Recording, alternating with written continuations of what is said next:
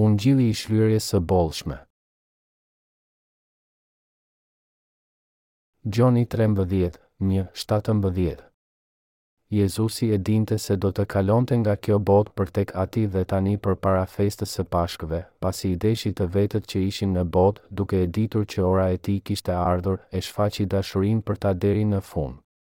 Ishte koha e darkës dhe djalli tashmë ia kishte shtënë në zemër Jud Iskariotit, birit të Simonit, mendimin që ta tradhtonte atë. Jezusi, duke e ditur se Ati ia kishte dhënë të gjitha në duart e tij dhe që ai kishte ardhur prej Perëndisë dhe tek Perëndia po shkonte, u ngrit nga darka dhe largoi rrobat. Pastaj mori një peshqir dhe e ngjeshi rreth vetes. Pasi hodhi ujë në një enë, filloi të lante këmbët e dishepujve dhe t'i fshinte me peshqirin që e kishte ngjeshur rreth vetes. Pastaj shkoi tek Simon Pjetri.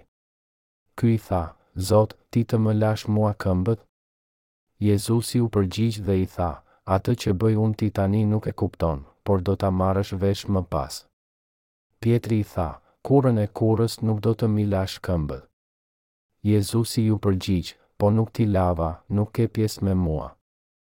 Simon Pjetri i tha, Zot, jo vetëm këmbët, por edhe duart dhe kokën. Jezusi i tha, Ai që është i larë nuk ka nevojë veçse të lajë këmbët, sepse është i tëri i pastër, ju jeni të pastër, por jo të gjithë. Sepse ai e dinte atë që do ta tradhtonte. Prandaj tha, Jo të gjithë jeni të pastër. Pra, pasi u lau këmbët dhe mori rrobet e veta, u shtrua përsëri pranë tryezës dhe u tha, A e dini çfarë ju kam bërë? Ju më thërrisni mjeshtër dhe zot dhe mirë thoni, sepse ashtu jam. Atëherë nëse unë, zot dhe mjeshtër, lava këmbët tuaja, edhe ju duhet t'i lani këmbët njëri-tjetrit. Sepse ju dhashë një shembull, që, siç bëra me ju, ashtu të bëni edhe ju. Me të vërtetë, me të vërtetë po ju them, shërbëtori nuk është më i madh se i zoti i tij, as i dërguari më i madh se ai që e ka dërguar. Nëse i dini këto, do të jeni të lumtur po t'i bëni. Pse Jezusi ia lau këmbët Pjetrit një ditë para Pashkëve? Ndërsa po ia lante këmbët, Jezusi i tha, Atë që bëj unë ti tani nuk e kupton, por do ta marrësh vesh më pas. Simon Pjetri ishte dishepulli më i mirë i Jezusit. Ai besonte se Jezusi ishte Biri i Perëndisë dhe dëshmoi se Jezusi ishte Krishti. Dhe Jezusi duhet të kishte patur një arsye të mirë për t'ia larë këmbët atij. Kur Pjetri rrëfeu besimin e tij se Jezusi ishte Krishti, ai deshte të thoshte se ai besonte që Jezusi ishte Shpëtimtari që do ta shpëtonte atë nga mëkatet e tij. Pse Jezusi i lau këmbët e dishepujve para se të kryqëzohej? Sepse ai deshte që dishepujt e tij ta kuptonin shpëtimin e përsosur. Pse i lau ai këmbët e Pjetrit? Jezusi e dinte se së shpejti Pjetri do ta mohonte atë tri herë, se ai do të bënte shumë mëkate në të ardhmen. Nëse, mbasi Jezusi do të ngriheshe në qiell, Pjetrit do t'i kishin mbetur akoma mëkate në zemrën e tij, ai nuk do të ishte në gjendje të bashkoheshe me Jezusin. Por Jezusi i njihte të gjitha dobësitë e dishepujve të tij dhe ai nuk deshte që mëkatet e tyre të viheshin midis tij dhe dishepujve të tij. Prandaj ai duhej që t'u mësonte atyre se të gjitha paudhësitë e tyre tashmë ishin larë. Kjo ishte arsyeja që ai lau këmbët e dishepujve të tij. Jezusi, para se të vdiste dhe t'i linte ata, u sigurua që ata e kuptuan ungjillin e pagëzimit të tij dhe gjithashtu larjen e plotë të të gjitha mëkateve të tërë jetës së tyre. Gjoni trembëdhjetë flet rreth shpëtimit të përsosur që Jezusi përmbushi për dishepujt e tij. Ndërsa po u lante këmbët, Jezusi u tregoi atyre rreth urtësisë së ungjillit të pagëzimit të tij nëpërmjet të cilit të gjithë njerëzit mund të laheshin nga të gjitha gabimet e tyre. Mos u mashtro nga djalli në të ardhmen. Unë i kam hequr të gjitha mëkatet e tua me pagëzimin tim në lumin Jordan dhe unë do të marr gjykimin për to në kryq. Pastaj do të ringjallem nga të vdekurit dhe do të përmbush shpëtimin e të lindurit përsëri për të gjithë ju. Për t'ju mësuar juve se i kam larë mëkatet tuaja të ardhshme, për t'ju mësuar juve Ungjillin origjinal të shëlbimit të mëkateve, po ju laj këmbët para se të kryqëzohem. Ky është sekreti i Ungjillit i të lindurit përsëri. Ju të gjithë duhet ta besoni këtë. Ne të gjithë duhet ta kuptojmë arsyen pse Jezusi i lau këmbët e dishepujve dhe ta dini pse ai tha, Atë që bëj unë ti tani nuk e kupton, por do ta marrësh vesh më pas. Vetëm atëherë mund të besojmë ne në ungjillin e të lindurit përsëri dhe të lindim vetë përsëri. Ai tha tek Gjoni 13, 12. Çfarë janë gabimet? Ato janë mëkatet që ne bëjmë çdo ditë sepse jemi të dobët. Para se të vdiste në kryq, Jezusi bëri darkën e Pashkëve me dishepujt e tij dhe i bindi ata për ungjillin e shlyerjes së mëkateve të tyre duke i larë këmbët e tyre me duart e tij. Ai kishte ardhur prej Perëndisë dhe tek Perëndia po shkonte, u ngrit nga darka dhe largoi rrobat. Pastaj mori një peshir dhe e ngjeshi rreth vetes. Pasi hodhi ujë në një enë, filloi të lante këmbët e dishepujve dhe t'i fshinte me peshirin që e kishte ngjeshur rreth vetes. Pastaj shkoi tek Simon Pjetri. Ky i tha, Zot, ti të më lash mua këmbët? Jezusi u përgjigj dhe i tha, Atë që bëj unë ti tani nuk e kupton, por do ta marrësh vesh më pas. Ai u mësoi dishepujve të tij ungjillin e pagëzimit dhe flijimin për mëkatet nëpërmjet ujit të pagëzimit të tij. Në atë kohë, duke qenë besnik i Jezusit, Pjetri nuk ishte në gjendje të kuptonte arsyen pse Jezusi ia lau këmbët atij. Mbasi Jezusi i foli atij, mënyra se si ai besonte në Jezus ndryshoi. Jezusi dëshironte që t'i mësonte atij rreth heqjes së mëkateve, rreth Ungjillit të ujit të pagëzimit të tij. Ai ishte i shqetësuar se Pjetri mund të mos ishte në gjendje të vinte tek ai për shkak të mëkateve të tij të ardhshme, sidomos të mëkateve të ardhshme të mishit. Jezusi u lau këmbët atyre në mënyrë që djalli të mos ua hiqte besimin dishepujve të tij. Më vonë Pjetri e kuptoi pse.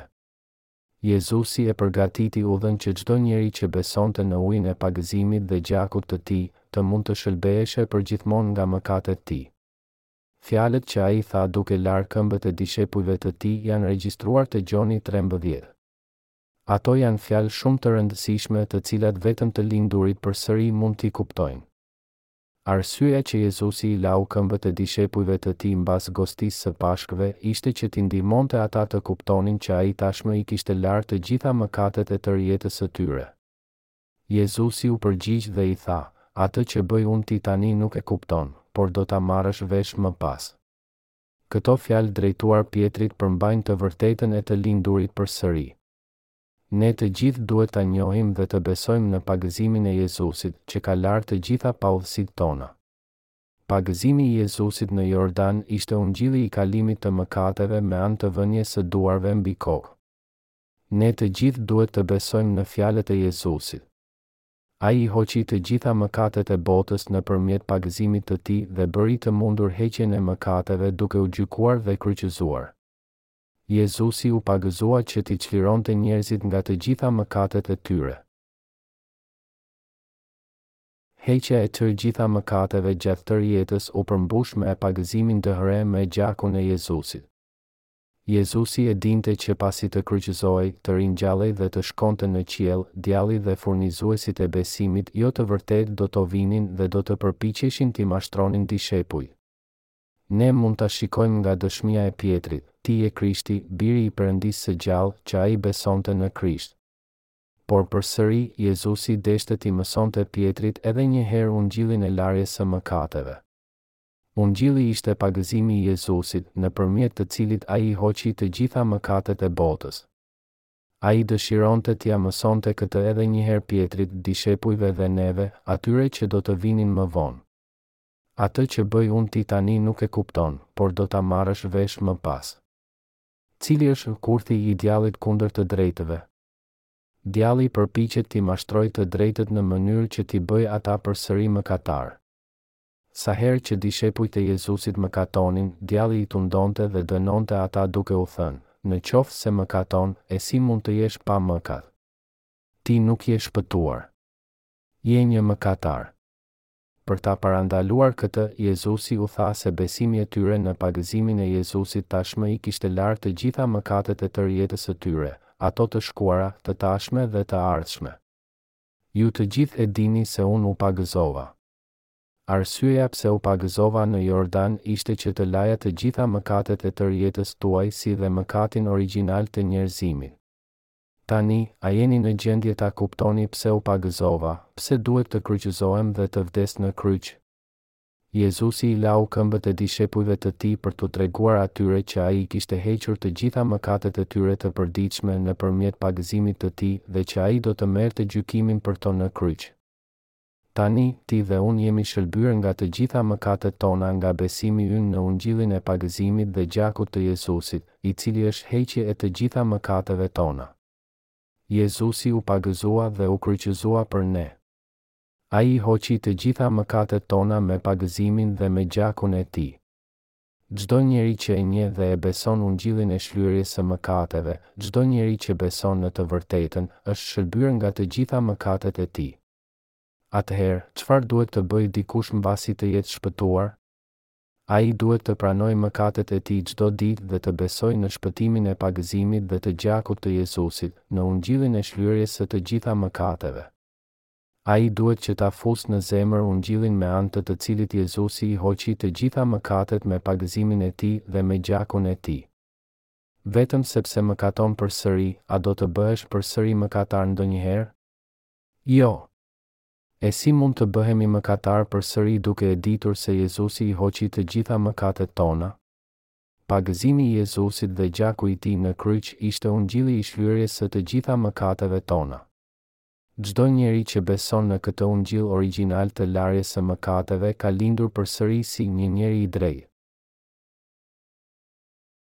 Të drejtët asnjëherë nuk mund të bëhen mëkatarë përsëri. Pse të drejtët asnjëherë nuk mund të bëhen mëkatarë përsëri? Sepse Jezusi tashmë ka shlyer për të gjitha mëkatet e tërë jetës së tyre. Nëse beson në Ungjillin e larjes së mëkateve, të ujit dhe të frymës, por përsëri mendon se je mëkatar për shkak të mëkateve të tua të përditshme, atëherë duhet të shkosh në Jordan ku u pagëzua Jezusi për të hequr të gjitha mëkatet e tua. Nëse do të bëheshe përsëri një mëkatar mbasi ta kishe marrë shëlbimin, atëherë Jezusit do t'i duhej të pagëzohej edhe një herë nga fillimi. Duhet të kesh besim në larjen e mëkateve të tua, në ungjillin e pagëzimit të Jezusit. Duhet ta mbash mend që Jezusi i hoqi të gjitha mëkatet e tua një herë e përgjithmonë nëpërmjet pagëzimit të Tij. Duhet të kesh besim të palëkundur në Jezus Krisht si Shpëtimtari yt. Të besosh në Jezus si Shpëtimtari yt do të thotë që ti beson në pagëzimin e Jezusit, i cili i hoqi të gjitha mëkatet e tërë jetës tënde. Në qoftë se beson me të vërtetë në pagëzimin, kryqin, vdekjen dhe ringjalljen e Jezusit, asnjëherë nuk do të bëhesh mëkatar përsëri, pa marrë parasysh se çfarë mëkati ke bërë. Ti je shëlbyer nga të gjitha mëkatet e tërë jetës tënde nëpërmjet besimit tënd. Jezus Krishti lau gjithashtu mëkatet e së ardhmes, madje edhe mëkatet që bëjmë për shkak të dobësive tona. Dhe meqenëse Jezusi duhej ta ritheksonte rëndësinë e pagëzimit të tij, ai lau këmbët e dishepujve të tij me ujë, që është simbol i ungjillit të larjes së mëkateve, pagëzimit të tij. Jezus Krishti u pagëzua, kryqëzua, ringjall dhe u ngrit në qiell për të përmbushur premtimin e Perëndisë për shlyerje të bollshme për të gjitha mëkatet e botës dhe për të shpëtuar të gjithë njerëzimin. Si rezultat, dishepujt e tij ishin në gjendje të predikonin ungjillin e shlyerjes të mëkateve, pagëzimin e Jezusit, kryqin dhe ringjalljen, që nga fillimi deri në fund të jetës së tyre. Dobësitë e mishit të Pjetrit. Bibla na tregon se kur Pjetri u ballafaqua nga shërbëtorët e kryepriftit Kaifa dhe u akuzua se ishte njëri nga pasuesit e Jezusit, ai e dënoi këtë dy herë duke thënë, Nuk e njoh atë njeri. Pastaj ai filloi të mallkonte e të përbetohej për të tretën herë. Pse e mohoi Pjetri Jezusin? Sepse ishte i dobët. Le ta lexojmë këtë paragraf. Nga Mateu njëzet e gjashtë, njëzet e nëntë, Pjetri ishte ulur jashtë në oborr. Iu afrua një shërbëtore dhe i tha, Edhe ti ke qenë bashkë me Jezusin e Galilesë. Por ai e mohoi përpara të gjithëve, duke thënë, Nuk e di ç'po thua. Kur doli te dera e jashtme, një tjetër e pa dhe u tha atyre që ishin atje, Ky ka qenë me Jezusin e Nazaretit. Ai e mohoi përsëri me be, Nuk e njoh atë njeri. Pas pak iu afruan ata që po rrinin aty dhe i thanë Pjetrit, Vërtet edhe ti je një prej tyre, sepse të tradhton e folura jote. Atëherë ai filloi të mallkonte e të përbetohej, Nuk e njoh atë njeri. Po në atë çast këndoi këndesi. Pjetrit iu kujtua fjala e Jezusit që i kishte thënë, Para se të këndojë këndesi, do të më mohosh tri here. Dhe doli jashtë e qau me hidhërim, Mateu njëzet e gjashtë, gjashtëdhjetë e nëntë, shtatëdhjetë e pesë.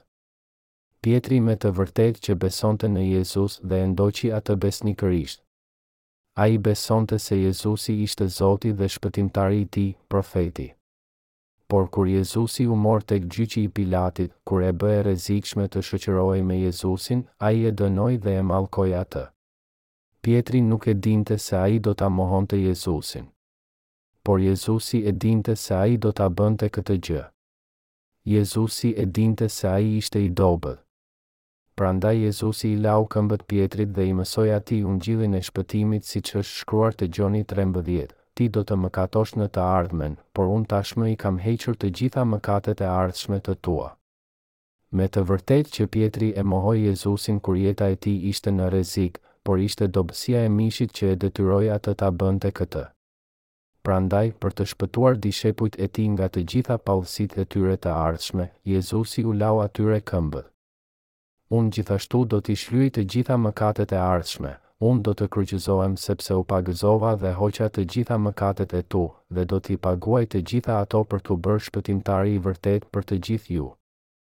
Jam Perëndia yt, Shpëtimtari yt. Do të paguaj plotësisht për të gjitha mëkatet e tua, dhe do të bëhem bariu yt nëpërmjet pagëzimit dhe gjakut tim. Unë jam bariu i shpëtimit tënd. Për ta ngulitur thellë këtë të vërtetë në zemrat e tyre, Jezusi u lau këmbët atyre mbas gostisë së Pashkëve. Kjo është e vërteta e Ungjillit. Meqenëse mishi ynë është i dobët edhe mbasi kemi lindur përsëri, ne do të mëkatojmë përsëri. Natyrisht, nuk duhet të mëkatojmë, por kur mëkatojmë dhe duhet të ballafaqohemi me probleme serioze si Pjetri, ne kemi tendencë të mëkatojmë pa e patur për qëllim ta bëjmë atë. Meqënëse jetojmë në mish, ndonjëherë ne udhëhiqemi drejt shkatërrimit nga mëkatet tona. Mishi do të mëkatojë për aq gjatë sa jetojmë në këtë botë profane, por Jezusi i fali të gjitha ato mëkate me pagëzimin e tij dhe me gjakun në kryq. Ne nuk e mohojmë se Jezusi është Shpëtimtari ynë, por kur jetojmë në mish, ne vazhdojmë të bëjmë mëkate kundër vullnetit të Perëndisë. Kjo vjen sepse kemi lindur nga mishi. Por Jezusi e dinte mirë se jemi mëkatarë në mish. Jezusi u bë Shpëtimtari ynë duke paguar për të gjitha mëkatet tona me pagëzimin dhe gjakun e Tij. Ai na ka çliruar nga të gjitha mëkatet tona për ata që besojnë në shpëtimin e Tij dhe në ringjalljen e Tij. Të katërt librat e parë të Ungjillit fillojnë me pagëzimin e Jezusit nga Gjon Pagëzori. Qëllimi i jetës së tij njerëzore ishte që të përmbushte ungjillin e të lindurit përsëri, ungjillin e shpëtimit. Sa kohë mëkatojmë në mish? Ne mëkatojmë gjatë gjithë jetës sonë deri në ditën që vdesim. Kur Pjetri e mohoi atë, jo vetëm një herë, jo vetëm dy herë, por tri herë para se të këndonte gjeli, sa shumë ia theu kjo zemrën atij? Sa turp duhet t'i ketë ardhur atij? Ai u betua para Jezusit se asnjëherë nuk do ta tradhëtonte atë. Ai mëkatoi për shkak të dobësisë të mishit të tij, por sa mjerueshëm është ndier ai kur iu nënshtrua dobësisë së tij dhe e mohoi Jezusin jo një herë, por tri herë? Sa turp që do t'i ketë ardhur kur e pa Jezusin përsëri? Por Jezusi i dinte të gjitha këto gjëra, madje edhe gjëra të tjera. Prandaj ai tha, E di që do të mëkatosh përsëri. Por tashmë i kam hequr të gjitha ato mëkate me pagëzimin tim, që mëkatet e tua të mos të të nënshtrojnë dhe të mos të kthejnë përsëri në një mëkatar, që të mos të duket e pamundur për t'u kthyer tek unë. Jam bërë shpëtimtar i plotë për ty duke u pagëzuar dhe gjykuar për të gjitha mëkatet. Jam bërë Perëndia yt, Bariu yt. Beso në Ungjillin e heqjes së mëkateve të tua. Unë do të vazhdoj të të dua edhe pse bën mëkatet e mishit. Tashmë i kam larë të gjitha paudhësitë e tua. Ungjilli i larjes së të gjitha mëkateve është përgjithmonë. Gjithashtu dashuria ime për ty është përgjithmonë. Jezusi i tha Pjetrit dhe dishepujve, Po nuk t'i lava, nuk ke pjesë me mua. Arsyeja që ai foli për këtë Ungjill te Gjoni trembëdhjetë ishte se ishte e rëndësishme për njerëzit të lindeshin përsëri prej ujit dhe frymës. A e besoni këtë? Tek vargu nëntë, Simon Pjetri i tha Atij, Zot, jo vetëm këmbët, por edhe duart dhe kokën. Jezusi i tha, Ai që është i larë nuk ka nevojë veçse të lajë këmbët, sepse është i tëri i pastër. Miq të dashur, ju do të bëni mëkatet e mishit në të ardhmen, apo jo? Po. Por Jezusi tha se ai tashmë i kishte hequr madje edhe mëkatet e ardhshme, të gjitha paudhësitë e mishit tonë me pagëzimin dhe me gjakun e tij dhe, para se të kryqëzohej, ai ua bëri të qartë dishepujve të tij fjalën e së vërtetës për ungjillin e shlyerjes. Meqënëse jetojmë në mish me të gjitha dobësitë tona, nuk mund të bëjmë gjë tjetër, por të mëkatojmë. Jezusi i hoqi të gjitha mëkatet e botës me pagëzimin e Tij. Ai jo vetëm që lau kokën dhe trupin tonë, por Ai gjithashtu lau këmbët tona, mëkatet tona të së ardhmes. Ky është Ungjilli i të lindurit përsëri, i pagëzimit të Jezusit. Mbasi u pagëzua Jezusi, Gjon Pagëzori dëshmoi, Vini re! Qengji i Perëndisë që heq mëkatin e botës. Gjoni një, njëzet e nëntë. Ne duhet të besojmë se të gjitha mëkatet e botës janë larë me anë të kalimit të tyre tek Jezusi kur ai u pagëzua. Gjatë kohës që jetojnë në këtë botë, njerëzit nuk bëjnë gjë tjetër përveçse mëkatojnë. Ne duhet ta pranojmë këtë si një fakt themelor.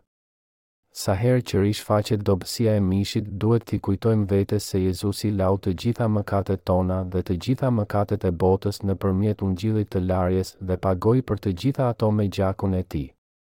Ne duhet ta falënderojmë atë nga thellësia e zemrës. Le ta pohojmë me besim se Jezusi është Shpëtimtari ynë dhe Perëndia ynë. Lavdi Zotit! Çdo njeri në këtë botë mëkaton në mish. Njerëzit vdesin nga mëkatet e mishit të tërë jetës së tyre. Njerëzit mëkatojnë pa ndërprerje me trupin e tyre. Mendimet e këqija në zemrat e njerëzve. Cilat janë gjërat që e përlyejnë një person? Llojet e ndryshme të mëkateve dhe mendimet e këqija. Jezusi thotë te Mateu pesëmbëdhjetë, nëntëmbëdhjetë, njëzet, Sepse nga zemra vijnë mendimet e liga, vrasjet, tradhtia bashkëshortore, fëlliqësitë morale, vjedhjet, dëshmitë e rreme dhe blasfemitë. Këto janë ato që e përlyejnë njeriun, por të hash pa larë duart nuk e përlyen njeriun. Meqenëse lloje të ndryshme mëkatesh në zemrën e një njeriu e përlyejnë atë, ai është i papastër. Njerëzit duhet të njohin natyrën e tyre të ligë. Çfarë ka brenda zemrës së çdo njeriu? Dymbëdhjetë llojet e mëkatit, Marku shtatë, njëzet e një, njëzet e tre. Ne duhet të jemi në gjendje të themi, Të dymbëdhjetë llojet e mëkatit janë në zemrat e njerëzve. I kam të gjitha ato në zemrën time. I kam të dymbëdhjetë llojet e mëkatit për të cilat shkruhet në Bibël brenda meje. Para se të lindemi përsëri prej ujit dhe frymës, ne duhet t'i pohojmë mëkatet brenda në zemrat tona. Duhet ta pranojmë se jemi plotësisht mëkatarë përpara Perëndisë. Por ne nuk e bëjmë shpesh këtë. Shumica prej nesh nxjerrin justifikime për mëkatet tona, duke thënë, Kurrë më parë nuk i kam patur këto mendime në zemër, vetëm se u futa në rrugë të shtrembër për momentin.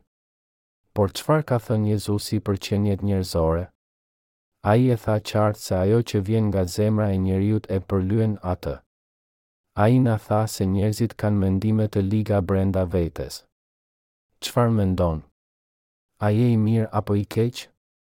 A e di se çdo njeri ka mendime të liga? Po, mendimet e çdo njeriu janë të liga. Disa vjet të shkuara, ndërtesa e Mapo së Madhe Sampong u shemb papritur. Familjet e atyre që humbën të dashurit vuajtën nga një agoni tepër e thellë. Por shumë njerëz shkuan aty për t'u kënaqur me spektaklin tragjik. Disa menduan, E sa vetë vdiqën? Dyqind? Jo, ky është një numër shumë i vogël. Treqind? Ndoshta? Hë, ndoshta do të ishte më interesante dhe më spektakulare nëse numri i të vdekurve do të ishte të paktën një mijë. Zemrat e njerëzve mund të jenë po aq të liga sa të arrijnë deri këtu. Duhet ta pranojmë këtë. Sa mungesë respekti për të vdekurit. Çfarë shkatërrimi për familjet. Disa u shkatërruan financiarisht. Pa dyshim, disa nga spektatorët nuk ishin zemërdhembshur. Do të kishte qenë më interesante nëse do të kishin vdekur më shumë. Çfarë spektakli! Po sikur të ndodhte e njëjta gjë në një park lojërash me top plot me njerëz? Me qindra do të varroseshin nën rrënoja, apo jo? Sigurisht që po. Patjetër që kjo do të ishte akoma dhe më interesante sesa ajo. Ndoshta disa njerëz kishin edhe mendime të tilla. Dhe ne të gjithë e dimë se sa të këqij mund të bëhen njerëzit ndonjëherë. Por natyrisht që ata asnjëherë nuk mund t'i thoshin me zë të lartë mendime të tilla të këqija. Ata mund ta kërcasin gjuhën dhe të shprehin dhimbjen e tyre, por në zemrat e tyre, fshehtazi, ata do të dëshironin që ajo të ishte më shumë spektakulare. Ata dëshirojnë të shikojnë tragjedi të tmerrshme aty ku vriten mijëra njerëz, mjafton që ajo të mos shkelë interesat e tyre. Kjo është mënyra se si veprojnë zemrat e njerëzve. Shumica prej nesh janë kështu para se të lindemi përsëri. Vrasje në zemrën e çdo njeriu. Pse mëkatojmë? Sepse kemi mendime të liga në zemrat tona. Perëndia na ka thënë se ka vrasje brenda zemrës së çdo njeriu. Por shumë vetë do ta mohonin këtë. E si mund ta thuash këtë? Unë nuk kam asnjë mendim për vrasje në zemrën time. Madje, si mund të të shkojë në mend një gjë e tillë? Ata asnjëherë nuk do ta pranonin se kanë vrasje në zemrat e tyre. Ata mendojnë se vrasësit i përkasin një race tjetër. Ai vrasës serial te lajmet pardje, turmat e irrituara që vranë dhe dogjën njerëz në bodrumin e tyre, ata janë njerëzit që kanë vrasje në zemrat e tyre. Ata i përkasin një race tjetër. Unë kurrë nuk mund të bëhem si ata. Ata janë mostër e veçantë. Vrasës. Ata indinjohen dhe bërtasin, të lindurit nga fara e keqe duhet të zhduken nga faqja e kësaj bote. Ata të gjithë duhet të dënohen me vdekje. Por fatkeqësisht, mendimi i vrasjes është si brenda zemrës së atyre njerëzve të indinjuar, ashtu edhe brenda zemrave të vrasësve serialë dhe vrasësve në përgjithësi. Perëndia na tregon se brenda zemrave të njerëzve ka vrasje. Ne duhet që ta pranojmë fjalën e Perëndisë, i cili shikon brenda nesh. Duhet që ta pohojmë, Jam mëkatar me vrasje në zemrën time. Po, Perëndia na ka thënë se ka mendime të liga, duke përfshirë ato të vrasjes, brenda zemrave të njerëzve. Le ta pranojmë Fjalën e Perëndisë. Ndërsa brezat e njerëzve bëhen më të ligjë, të gjitha pajisjet personale të mbrojtjes bëhen vegla për vrasje. Kjo gjë është rezulatat i vrasjes në zemrat tona. Mund të vrasësh në një moment zemërimi ose frike. Nuk po them se çdo njeri prej nesh do të vriste, por se ne kemi mendimin e vrasjes në zemrat tona. Meqënëse njerëzit kanë lindur me mendime të liga, të gjithë ne i kemi ato në zemrat tona. Disa, me të vërtetë që përfundojnë në vrasje, jo sepse ata kanë lindur vrasës, por sepse ne të gjithë e kemi mundësinë për t'u bërë vrasës. Perëndia na tregon se kemi mendime të liga dhe vrasje në zemrat tona. Kjo është e vërteta. Asnjë nga ne nuk bën përjashtim nga kjo e vërtetë. Prandaj, që ne të futemi në udhën e drejtë, duhet që të pranojmë Fjalën e Perëndisë dhe të bindemi. Ne mëkatojmë në këtë botë sepse kemi mendime të liga në zemrat tona. Shkelja e kurorës në zemrat tona. Perëndia thotë se ka shkelje kurore në zemrën e çdo njeriu. A je dakord? A e pranon se ke shkelje kurore në zemrën tënde? Po, ka shkelje kurore në zemrën e çdo njeriu. Kjo është arsyeja pse prostitucioni dhe aktivitete të tjera mëkatare lulëzojnë në shoqërinë tonë. Është një nga rrugët më të sigurta për të fituar para në çdo periudhë të historisë. Bizneset e tjera mund të vuajnë nga depresioni ekonomik, por këto biznese të ulëta nuk vuajnë aq shumë, sepse shkelja e kurorës banon në zemrën e të gjithë njerëzve. Fruti i mëkatarëve është mëkati. Me çfarë mund të krahasohet një qenie njerëzore? Me pemën që prodhon frutin e mëkatit. Ashtu si pema e mollës prodhon mollë, pema e dardhës dardhë, pema e hurmës arabe hurma arabie dhe pema e hurmës japoneze hurma japoneze, ne që kemi lindur me dymbëdhjetë lloje mëkatesh në zemrat tona, prodhojmë frutin e mëkatit. Jezusi thotë se ajo që del nga zemra e një njeriu e përlyen atë. A je dakord? Ne vetëm mund të biem dakord me fjalët e Jezusit dhe të themi, Po, jemi një lloj race mëkatarësh, keqbërësish. Po, ke të drejtë Zot. Po, ne duhet ta pohojmë ligësinë tonë. Ne duhet ta pranojmë të vërtetën për veten para Perëndisë. Ashtu si Jezus Krishti iu bind vullnetit të Perëndisë, ne duhet ta pranojmë fjalën e Perëndisë dhe t'i bindemi Atij. Kjo është mënyra e vetme se si mund të shpëtohemi nga të gjitha mëkatet tona nëpërmjet ujit dhe frymës. Këto janë dhuratat e Perëndisë. Vendi im është bekuar me katër stinë të bukura. Dhe ndërsa fillojnë stinët, lloje të ndryshme pemësh prodhojnë frutat e tyre. Në të njëjtën mënyrë, dymbëdhjetë mëkatet në zemrat tona na shtrëngojnë fort dhe na udhëheqin vazhdimisht drejt mëkatit. Sot, vrasja mund të jetë ajo që mbërthen zemrat tona, ndërsa nesër mund të jetë shkelja e kurorës. Pastaj ditën tjetër, mendimet e këqija, pastaj kurvërimi, vjedhja, dëshmia e rremë. Dhe kështu me radhë. Dhe ne vazhdojmë të mëkatojmë gjatë gjithë vitit çdo muaj, çdo ditë, çdo orë. Asnjë ditë nuk kalon pa bërë ndonjë mëkat të ndonjë lloji. Ne vazhdojmë të betohemi se do të qëndrojmë larg nga mëkati, por nuk kemi gjë në dorë, sepse kemi lindur të tillë. A keni parë ndonjëherë ndonjë pemë molle të refuzojë të prodhojë mollë sepse nuk deshte? Nuk dua të prodhoj mollë. Edhe sikur ajo ta kishte vendosur të refuzonte të prodhonte frut, e si mund të mos prodhonte mollë? e megjithatë lulet do të lulëzojnë, mollët do të rriten dhe do të piqen në verë dhe fruti do të jetë gati për t'u këputur dhe për t'u ngrënë në vjeshtë. Ky është ligji i natyrës dhe jeta e mëkatarëve gjithashtu duhet të ndjekë ligjin e natyrës. Mëkatarët nuk mund të bëjnë asgjë tjetër përveçse të prodhojnë frutat e mëkatit. Pagëzimi dhe kryqi i Jezusit ishin për të shlyer mëkatet tona. Çfarë do të thotë fjala shlyerje? Është pagesa e mëkatit me anë të pagëzimit të Jezusit, vënies së duarve dhe gjakut të tij në kryq. Le të lexojmë një paragraf nga Bibla për të gjetur se si mëkatarët, pjellat e keqbërësve, mund t'i shlyejnë mëkatet e tyre përpara Perëndisë dhe të jetojnë në lumturi. Ky është ungjilli i shlyerjes së mëkateve. te Levitiku katër, thuhet, Në rast se dikush nga populli kryen një mëkat nga padituria kundër çfarëdo urdhërimi të Zotit, duke bërë një diçka që nuk duhet ta bënte, duke u bërë, pra, fajtor, kur ai bëhet i vetëdijshëm për mëkatin që ka kryer, do të sjellë si ofertë një dhi femër, pa të meta, për mëkatin e kryer. Do ta vërë dorën mbi kokën e flisë për mëkatin dhe do ta therë flinë për mëkatin në vendin e holokaustit. Pastaj prifti do të marrë me gishtin e tij pak nga gjaku i tij dhe do ta vërë mbi brirët e altarit të olokaustit dhe do të derdhë mbetjen e gjakut të tij mbi bazën e altarit. Do ta marrë të tërë dhjamin e tij, ashtu si mori dhjamin nga flijimi i falënderimit, pastaj prifti do ta tymosë atë mbi altar si një erë të këndshme për Zotin. Kështu prifti do të bëjë shlyerjen dhe ai do të falet, Levitiku katër, njëzet e shtatë, tridhjetë e një.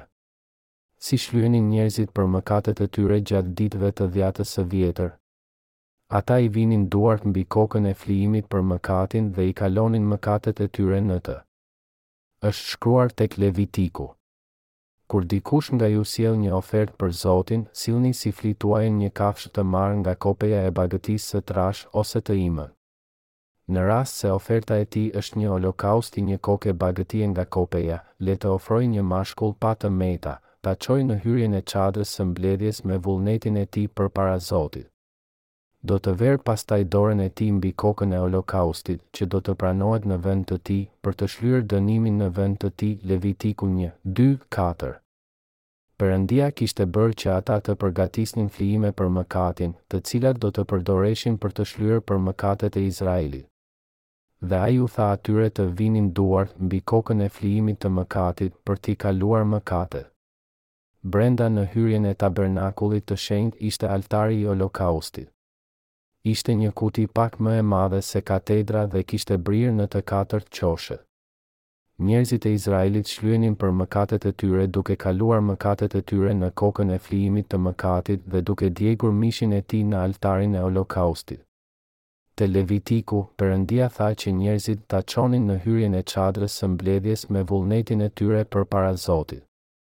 Mëkatet e tyre pasoheshin tek flijimi për mëkatin kur ata vinin duart mbi kokën e tij dhe pastaj mëkatari do t'ia priste fytin flijimit dhe do ta vinte gjakun e tij te brirët e altarit të Holokaustit. Mbas kësaj, trupi i flijimit pastroheshe nga organet e brendshme dhe mishi i tij priteshe në copa dhe tymoseshe në altarin e Holokaustit.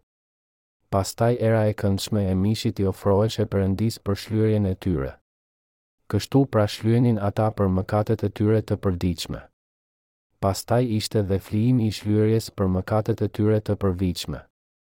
Ky ndryshonte nga flijimi i shlyerjes së mëkateve të përditshme nga ajo se kryeprifti vinte duart në flijimin e mëkatit në emër të të gjithë njerëzve të Izraelit dhe ai spërkaste gjakun shtatë herë në lindje të pajtuesit.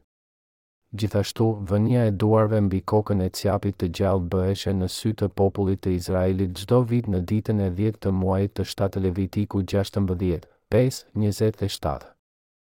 Kush e simbolizon flijimin e mëkatit të Dhjatës së Vjetër? Jezus Krishti. Tani le të shikojmë se si ndryshoi sistemi i flijimit në Dhjatën e Re dhe se si ligji i përjetshëm i Perëndisë ka mbetur i pandryshuar gjatë gjithë kohës. Pse duhej të vdiste Jezusi në kryq? Çfarë gabimi bëri ai në këtë botë që Perëndisë i duhej ta linte Birin e tij të vdiste në kryq? Kush e detyroi atë të vdiste në kryq? Kur të gjithë mëkatarët e botës, domethënë të gjithë ne, ramë në mëkat, Jezusi erdhi në këtë botë për të na shpëtuar. Ai u pagëzua nga Gjon Pagëzori në Jordan dhe mori dënimin në kryq për të gjitha mëkatet në emër të të gjithë njerëzimit. Mënyra se si u pagëzua Jezusi, mënyra se si ai derdhi gjak në kryq ishte njëlloj si flijimi i shlyerjes së dhjatës së vjetër, i vënies së duarve në flijimin e mëkatit dhe i derdhjes së gjakut të tij. Kjo ishte mënyra se si bëheshe në dhjatën e vjetër. Mëkatari vinte duart mbi flijimin për mëkatin dhe pohonte mëkatet e tij duke thënë, Zot, kam mëkatuar. Kam kryer vrasje dhe shkelje kurore. Pastaj mëkatet e tij kaloheshin te flijimi për mëkatin. Dhe në të njëjtën mënyrë se si mëkatari priste fytin e flijimit për mëkatin dhe ia ofronte Perëndisë, në të njëjtën mënyrë edhe Jezusi u ofrua për të flijuar për të gjitha mëkatet tona.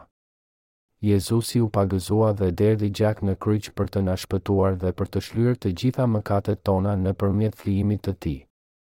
Në fakt, Jezusi vdiq për ne. Kur e mendojmë këtë, cili ishte kuptimi i ofrimit të atyre kafshëve pa të meta si flijime për të gjitha mëkatet e njerëzve? A e dinin të gjitha ato kafshë se çfarë ishte mëkati? Kafshët nuk njohin mëkat. Ato nuk mund t'i hiqnin mëkatet e të gjitha qenieve njerëzore. Ashtu si ato kafshë nuk kishin asnjë të metë, edhe Jezusi në të njëjtën mënyrë ishte pa mëkat. Ai është Perëndia i Shenjtë, Biri i Perëndisë dhe Ai kurrë nuk ka mëkatuar. Prandaj, Ai hoqi të gjitha mëkatet tona me anë të pagëzimit të Tij në Jordan kur ishte tridhjetë vjeç. Ai erdhi për të hequr të gjitha mëkatet tona dhe vdiq në kryq për shkak të mëkateve që hoqi prej nesh. Ishte shërbesa e Tij për shpëtim që lau të gjitha mëkatet e njerëzimit. Dhe kjo është shkruar te Mateu tre. Fillimi i Ungjillit të flijimit të mëkateve. Pse u pagëzua Jezusi nga Gjon Pagëzori në Jordan? Për të përmbushur çdo drejtësi. Tani, te Mateu tre shkruhet, Pastaj Jezusi shkoi nga Galileja në Jordan te Gjoni, që të pagëzohej prej tij. Por Gjoni u përpoq ta ndalonte, duke thënë, Unë kam nevojë të pagëzohem prej teje, kurse ti vjen tek unë? Por Jezusi iu përgjigj dhe i tha, Lejoje atë të bëhet tani, sepse kështu na duhet të veprojmë që të përmbushet çdo drejtësi, Mateu tre, trembëdhjetë, pesëmbëdhjetë. Ne duhet ta dimë dhe ta kuptojmë pse Jezusi u pagëzua kur ishte tridhjetë vjeç. Ai u pagëzua për të flijuar për mëkatet e të gjithë njerëzve dhe për të përmbushur të gjithë drejtësinë e Perëndisë. Për të shpëtuar të gjithë njerëzit nga mëkatet e tyre, Jezus Krishti, Ai i pa të meta, u pagëzua vetë nga Gjon Pagëzori. Në këtë mënyrë Ai hoqi mëkatet e botës dhe ofroi veten për të flijuar për mëkatet e të gjitha qenieve njerëzore. Në mënyrë që të shpëtohemi nga mëkati, ne të gjithë duhet ta dimë të vërtetën dhe të besojmë në të vërtetën. Varet nga ne të besojmë në shpëtimin e Tij dhe të shpëtohemi. Çfarë kuptimi ka pagëzimi i Jezusit? Ka të njëjtin kuptim si vënia e duarve në dhjatën e vjetër. Në dhjatën e vjetër, mëkatet e njerëzve kaloheshin në kokën e flijimit të mëkatit me anë të vënies së duarve. Në të njëjtën mënyrë, në dhjatën e re, Jezusi hoqi të gjitha mëkatet e botës duke paraqitur veten si flijimi për mëkatin dhe duke u pagëzuar nga Gjon Pagëzori. Gjon Pagëzori ishte njeriu më i madh mes njerëzve, përfaqësuesi i njerëzimit i shuguruar nga Perëndia. Si përfaqësues i njerëzimit, kryeprifti i të gjithëve, ai vendosi duart e tij mbi kokën e Jezusit dhe ia kaloi atij të gjitha mëkatet e botës. Pagëzim do të thotë të kalosh tek, të varrosesh dhe të lahesh. A e dini pse erdhi Jezusi në këtë botë dhe pse u pagëzua nga Gjon Pagëzori? A besoni në Jezus duke ditur kuptimin e pagëzimit të Tij? Pagëzimi i Jezusit ishte që të hiqte të gjitha mëkatet tona, mëkatet që ne, pjellat e keqbërësve, bëjmë me mishin tonë gjatë gjithë jetës sonë. Jezusi u pagëzua nga Gjon Pagëzori për të përmbushur ungjillin origjinal të shlyerjes për të gjitha mëkatet tona. Tek Mateu tre, trembëdhjetë, shtatëmbëdhjetë shkruet, Pastaj, dhe do të thotë kohën kur u pagëzua Jezusi, kohën kur të gjitha mëkatet e botës u kaluan tek Ai. Pastaj, Jezusi hoqi të gjitha mëkatet e njerëzimit, vdiq në kryq tre vjet më vonë dhe u ringjall tre ditë më vonë. Për t'i larë të gjitha mëkatet e botës, Ai u pagëzua njëherë e përgjithmonë, vdiq në kryq njëherë e përgjithmonë dhe u ringjall nga të vdekurit njëherë e përgjithmonë. Për të gjithë ata që duan të shëlbehen nga mëkatet e tyre përpara Perëndisë, Ai i shpëtoi ata të gjithë njëherë e përgjithmonë. Pse duhej të pagëzohej Jezusi? Pse duhej që të vinte një kurorë me gjemba dhe të gjykoheshe në gjykatën e Pilatit si një kriminel i zakonshëm? Pse duhej që të kryqëzohej në kryq dhe të gjakosej për vdekje? Shkaku për të gjitha sa janë përmendur më lart është sepse ai i mori mbi vete të gjitha mëkatet e botës, mëkatet e tua dhe të miat, nëpërmjet pagëzimit të tij. Dhe për mëkatet tona, ai duhej që të vdiste në kryq. Ne duhet që të besojmë në fjalën e shpëtimit që Perëndia na ka shpëtuar dhe t'i jemi atij mirënjohës. Pa pagëzimin e Jezus Krishtit, kryqit të tij dhe ringjalljes së tij, nuk do të kishte shpëtim për ne. Kur Jezusi u pagëzua nga Gjoni për të hequr të gjitha mëkatet e botës, ai hoqi të gjitha mëkatet tona dhe në këtë mënyrë na shpëtoi ne që besojmë në ungjillin e tij të shpëtimin. Ka njerëz që mendojnë, Por ai hoqi vetëm mëkatin origjinal, apo jo? Ata e kanë gabim. Në Bibël është regjistruar qartë se Jezusi i hoqi të gjitha mëkatet e botës njëherë e përgjithmonë kur u pagëzua. Të gjitha mëkatet tona janë larë duke përfshirë edhe mëkatin origjinal.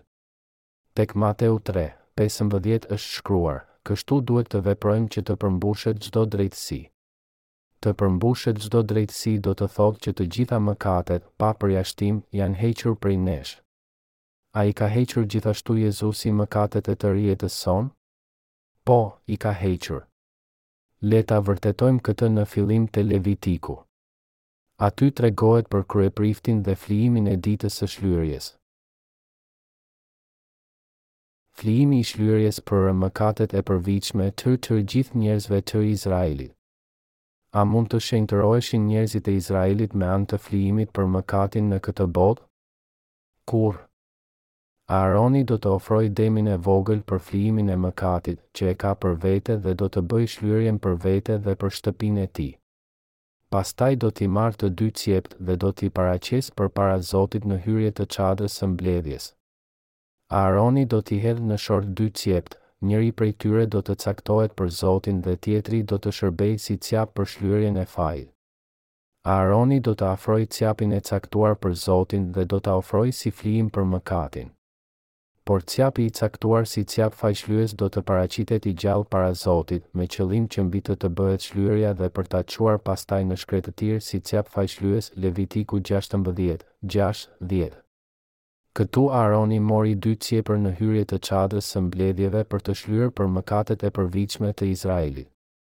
Aaroni do t'i hedhë në short dy cjeptë, njëri prej tyre do të caktohet për Zotin dhe tjetri do të shërbejë si cjap për shlyerjen e fajit.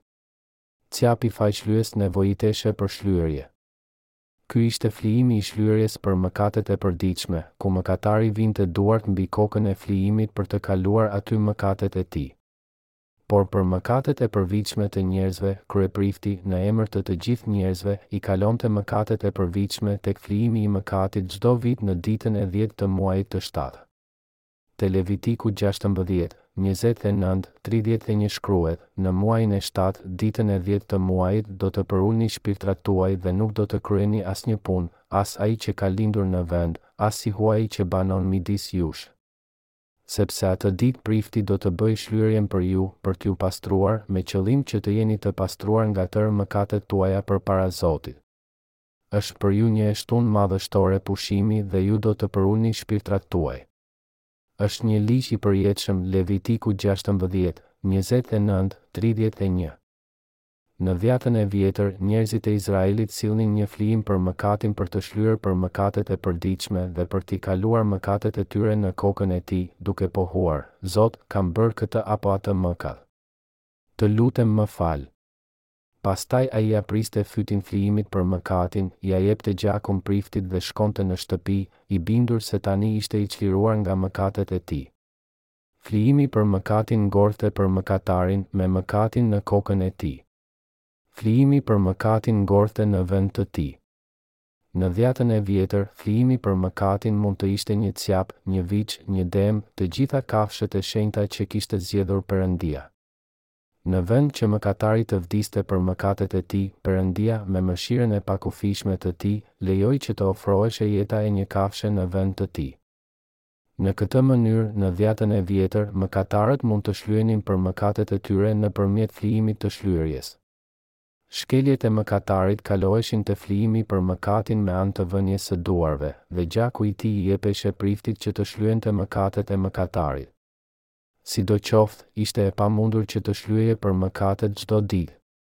Prandaj Perëndia lejoi kryepriftin të shlyente mëkatet e të gjithë vitit, çdo vit në ditën e dhjetë të muajit të shtatë, në emër të të gjithë njerëzve të Izraelit. Atëherë, cili ishte roli i kryepriftit në ditën e shlyerjes? E para, kryeprifti Aaron vinte duart e tij mbi flijimin e mëkatit, duke rrëfyer të gjitha mëkatet e njerëzve, Zot, njerëzit e Izraelit kanë bërë këto apo ato mëkate, vrasje, shkelje kurore, kurvëri, vjedhje, dëshmi të rreme, blasfemi. Pastaj ai priste fytin e flijimit të mëkatit dhe merrte gjakun, i cili spërkatej shtatë herë te pajtuesi brenda tabernakullit të shenjtë të mbledhjeve. Në Bibël, numri shtatë konsiderohet si numri i përkryer.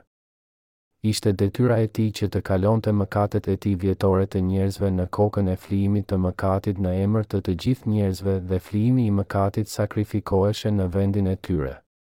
Meqë Perëndia është i drejtë, për të shpëtuar të gjithë njerëzit nga mëkatet e tyre, Ai lejoi që flijimi i mëkatit të ngordhte në vend të njerëzve. Meqë Perëndia është me të vërtetë i mëshirshëm, Ai lejoi që njerëzit të ofronin jetën e flijes në vend të jetës së tyre.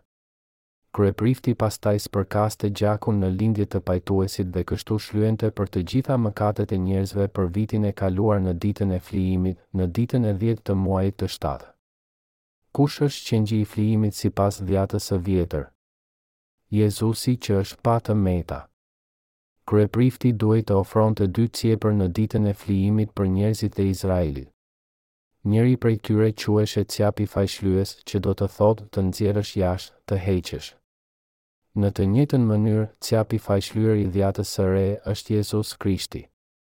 Sepse kaq e deshi Perëndia botën, saqë i dha Birin e Vetëmlindur, që kushdo që beson në të, të mos humbë, por të gëzojë jetën e amshuar Gjoni tre, gjashtëmbëdhjetë. Perëndia na dha Birin e Tij të vetëm si një qengj flijimi. Dhe si qengji i flijimit për të gjithë njerëzimin, ai u pagëzua nga Gjon Pagëzori dhe u bë Shpëtimtari, Mesia i botës. Mesia do të thotë Shpëtimtari dhe Jezus Krisht do të thotë Mbreti që ka ardhur të na shpëtojë. Prandaj, ashtu si mëkatet e përvitshme të njerëzve shlyheshin në ditën e flijimit në Dhjatën e Vjetër, Jezus Krishti, rreth dy mijë vjet të shkuara, erdhi në këtë botë të pagëzoheshe dhe të gjakoseshe për vdekje në kryq për të plotësuar ungjillin e flijimit për të gjitha mëkatet tona. Tani, le të lexojmë një paragraf nga Levitiku. Aaroni do të vendosë të dyja duart e tij mbi kokën e cjapit të gjallë dhe do të rrëfejë mbi të tërë padrejtësitë e bijve të Izraelit, të gjitha shkeljet e tyre, tërë mëkatet e tyre, dhe do t'i verë mbi kokën e cjapit, Pastaj do ta çojë në shkretëtirë me anë të një njeriu të zgjedhur enkas. Cjapi do të mbartë mbi vete në tokë të vetmuar të gjitha padrejtësitë e tyre dhe ai njeri do ta lerë të shkojë në shkretëtirë Levitiku gjashtëmbëdhjetë, njëzet e një, njëzet e dy. Është shkruar se mëkatet e të gjithë njerëzve viheshin në kokën e cjapit ashtu siç theksohet gjithashtu te Levitiku një. Të gjitha shkeljet e tyre do të thotë të gjitha mëkatet që ata bënë në zemrat e tyre, të gjitha mëkatet që ata bënë me mishin e tyre. Dhe të gjitha shkeljet e tyre vendoseshin mbi kokën e flijimit të mëkatit me anë të vënies së duarve. Me anë të ligjit të Perëndisë, ne duhet të kemi njohuri të vërtetë për të gjitha mëkatet tona. Pse na dha Perëndia ligjin? për të na dhënë njohuri për mëkatin. Ligji dhe urdhërimet e Perëndisë përbëhen prej gjashtëqind e trembëdhjetë nenesh. Në fakt, kur mendojmë rreth kësaj, ne kemi bërë atë që Ai na tha të mos ta bënim, dhe nuk kemi bërë atë që Ai na tha ta bënim. Prandaj jemi mëkatarë. Në Bibël shkruhet se Perëndia na i dha ato ligje në mënyrë që ne t'i njohim mëkatet tona, Romakëve tre, njëzet. Kjo do të thotë që ai na dha ligjin e tij dhe urdhërimet e tij që të na mësonte që jemi mëkatarë. Ai nuk i dha ato sepse ne jemi në gjendje që t'i zbatojmë ato, por na i dha që ne t'i njohim mëkatet tona. Ai nuk na dha ligjin dhe urdhërimet e tij që ne t'i zbatonim ato. Nuk mund të pritet që një qen të jetojë si një qenie njerëzore. Në të njëjtën mënyrë, ne asnjëherë nuk mund t'i zbatojmë ligjet e Perëndisë, por vetëm mund t'i kuptojmë mëkatet tona nëpërmjet Ligjit dhe urdhërimeve të Tij. Perëndia na i dha ato sepse jemi grumbuj mëkatesh, por ne nuk e kuptojmë dot këtë vetë. Ju jeni vrasës, kurvarë, keqbërës. Ai na tha të mos vrisnim, por pavarësisht nga kjo, ne vrasim në zemrat tona dhe ndonjëherë edhe në realitet. Sidoqoftë, meqenëse është shkruar në ligjin se nuk duhet të vrasim, ne e dimë që jemi mëkatarë dhe themi, Oh, e kisha gabim. Jam mëkatar sepse bëra diçka që nuk duhej ta bëja. Kam mëkatuar. Prandaj, për të shpëtuar njerëzit e Izraelit nga mëkati, Perëndia e lejoi Aaronin të ofronte flijimin e shlyerjes në Dhjatën e Vjetër, dhe ishte Aaroni ai që shlyente për njerëzit një herë në vit. Në Dhjatën e Vjetër, dy mëkate flijimi duhej t'i ofroheshin Perëndisë në Ditën e Shlyerjes. Njëri i ofroheshe Perëndisë, ndërsa tjetri dërgoheshe në shkretëtirë mbas vënies së duarve, duke marrë me vete të gjitha mëkatet vjetore të njerëzve. Para se të dërgoheshe cjapi në shkretëtirë me anë të njeriut të zgjedhur enkas, kryeprifti vinte duart mbi kokën e cjapit të gjallë dhe rrëfente mëkatet e Izraelit. Zot, njerëzit kanë vrarë, kurvëruar, vjedhur, kanë adhuruar idhuj. Kemi mëkatuar. Toka e Palestinës është një vend i shkretë me rërë dhe shkretëtirë. Cjapi fajshlyes dërgoheshe në shkretëtirën e pafund dhe ngordhte. Kur ai dërgoheshe aty, njerëzit e Izraelit e vështronin duke besuar se mëkatet e tyre ishin shlyer. Njerëzit qetësoheshin dhe Cjapi fajshlyes ngordhte në shkretëtirë për mëkatet vjetore të të gjithë njerëzve. Dhe Perëndia shleu për të gjitha mëkatet tona nëpërmjet qengjit të Perëndisë, Jezus Krishtit. Të gjitha mëkatet tona u hoqën plotësisht nëpërmjet pagëzimit të Jezusit dhe gjakut të Tij në kryq. Jezusi është Perëndia dhe Shpëtimtari ynë. Ai është Biri i Perëndisë që erdhi të shpëtonte njerëzimin nga mëkati dhe ai është Krijuesi që na bëri sipas imazhit të tij. Ai zbriti në këtë botë për të na shpëtuar nga mëkati. Jo vetëm mëkatet e përditshme që bëjme me mishin tonë, por gjithashtu të gjitha mëkatet e së ardhmes, të gjitha mëkatet e mendjes dhe të mishit u kaluan te Jezusi. Ai duhej të pagëzohej nga Gjon Pagëzori që të përmbushte çdo drejtësi të Perëndisë, flijimin e plotë për të gjitha mëkatet e botës. Tre vjet para se të kryqëzohej Jezusi, në fillim të shërbesës së tij publike, ai hoqi të gjitha mëkatet e botës duke u pagëzuar nga Gjon Pagëzori në Jordan. Shpëtimi i njerëzimit nga ana e tij nëpërmjet shlyerjes për të gjitha mëkatet tona filloi me pagëzimin e tij. Në lumin Jordan, në një vend ku thellësia shkonte deri në mes, Gjon Pagëzori i vuri duart mbi kokën e Jezusit dhe e zhyti atë në ujë. Pagëzimi ishte njëlloj si vënia e duarve në dhjatën e vjetër dhe pati të njëjtin efekt të kalimit të të gjitha mëkateve. Zhytja në ujë do të thoshte vdekje dhe dalja mbi ujë përsëri do të thoshte ringjallje. Kështu, duke u pagëzuar nga Gjon Pagëzori, Jezusi i përmbushi dhe i zbuloi të trija këto, heqjen e të gjitha mëkateve, kryqëzimin dhe ringjalljen. Ne mund të shpëtohemi vetëm nëse i bindemi fjalëve me të cilat Jezusi na shpëtoi nga mëkati. Perëndia kishte vendosur të na shpëtonte nëpërmjet Jezusit dhe në këtë mënyrë u përmbush besëlidhja që ai bëri në Dhjatën e Vjetër. Dhe Jezusi shkoi drejt kryqit me të gjitha mëkatet tona në kokën e tij. Çfarë lloj detyre na ka mbetur të bëjmë që kur Jezusi i fshiu të gjitha mëkatet tona? Ne duhet t'i bindemi fjalëve të Perëndisë. Tek Gjoni një, njëzet e nëntë është shkruar, Të nesërmen ai pa Jezusin duke ardhur drejt tij dhe tha, Vini re! Qengji i Perëndisë që heq mëkatin e botës. Gjon Pagëzori dëshmoi, Ja, qengji i Perëndisë që heq mëkatin e botës. Të gjitha mëkatet e njerëzimit u kaluan te Jezusi kur Ai u pagëzua në Jordan. Besoje. Dhe pastaj do të bekohesh me shlyerje të të gjitha mëkateve të tua. Ne duhet të kemi besim në Fjalën e Perëndisë. Ne duhet t'i lemë mënjanë mendimet dhe kokëfortësinë tonë, dhe thjesht të besojmë në të vërtetën që Jezusi i hoqi të gjitha mëkatet e botës dhe iu bind fjalëve të shkruara të Perëndisë. Të thuash se Jezusi i hoqi të gjitha mëkatet e botës dhe të thuash se Ai përmbushi drejtësinë e Perëndisë duke shlyer për mëkatet tona është pikërisht e njëjta gjë. Dhe gjithashtu vënia e duarve dhe pagëzimi janë e njëjta gjë. Pavarësisht nëse themi e gjitha, çdo gjë ose e tëra, kuptimi i të gjitha këtyre është i njëjtë. Kuptimi i shprehjes vënia e duarve në dhjatën e vjetër mbetet i njëjtë në dhjatën e re, me përjashtimin që në vend të saj përdoret fjala pagëzim.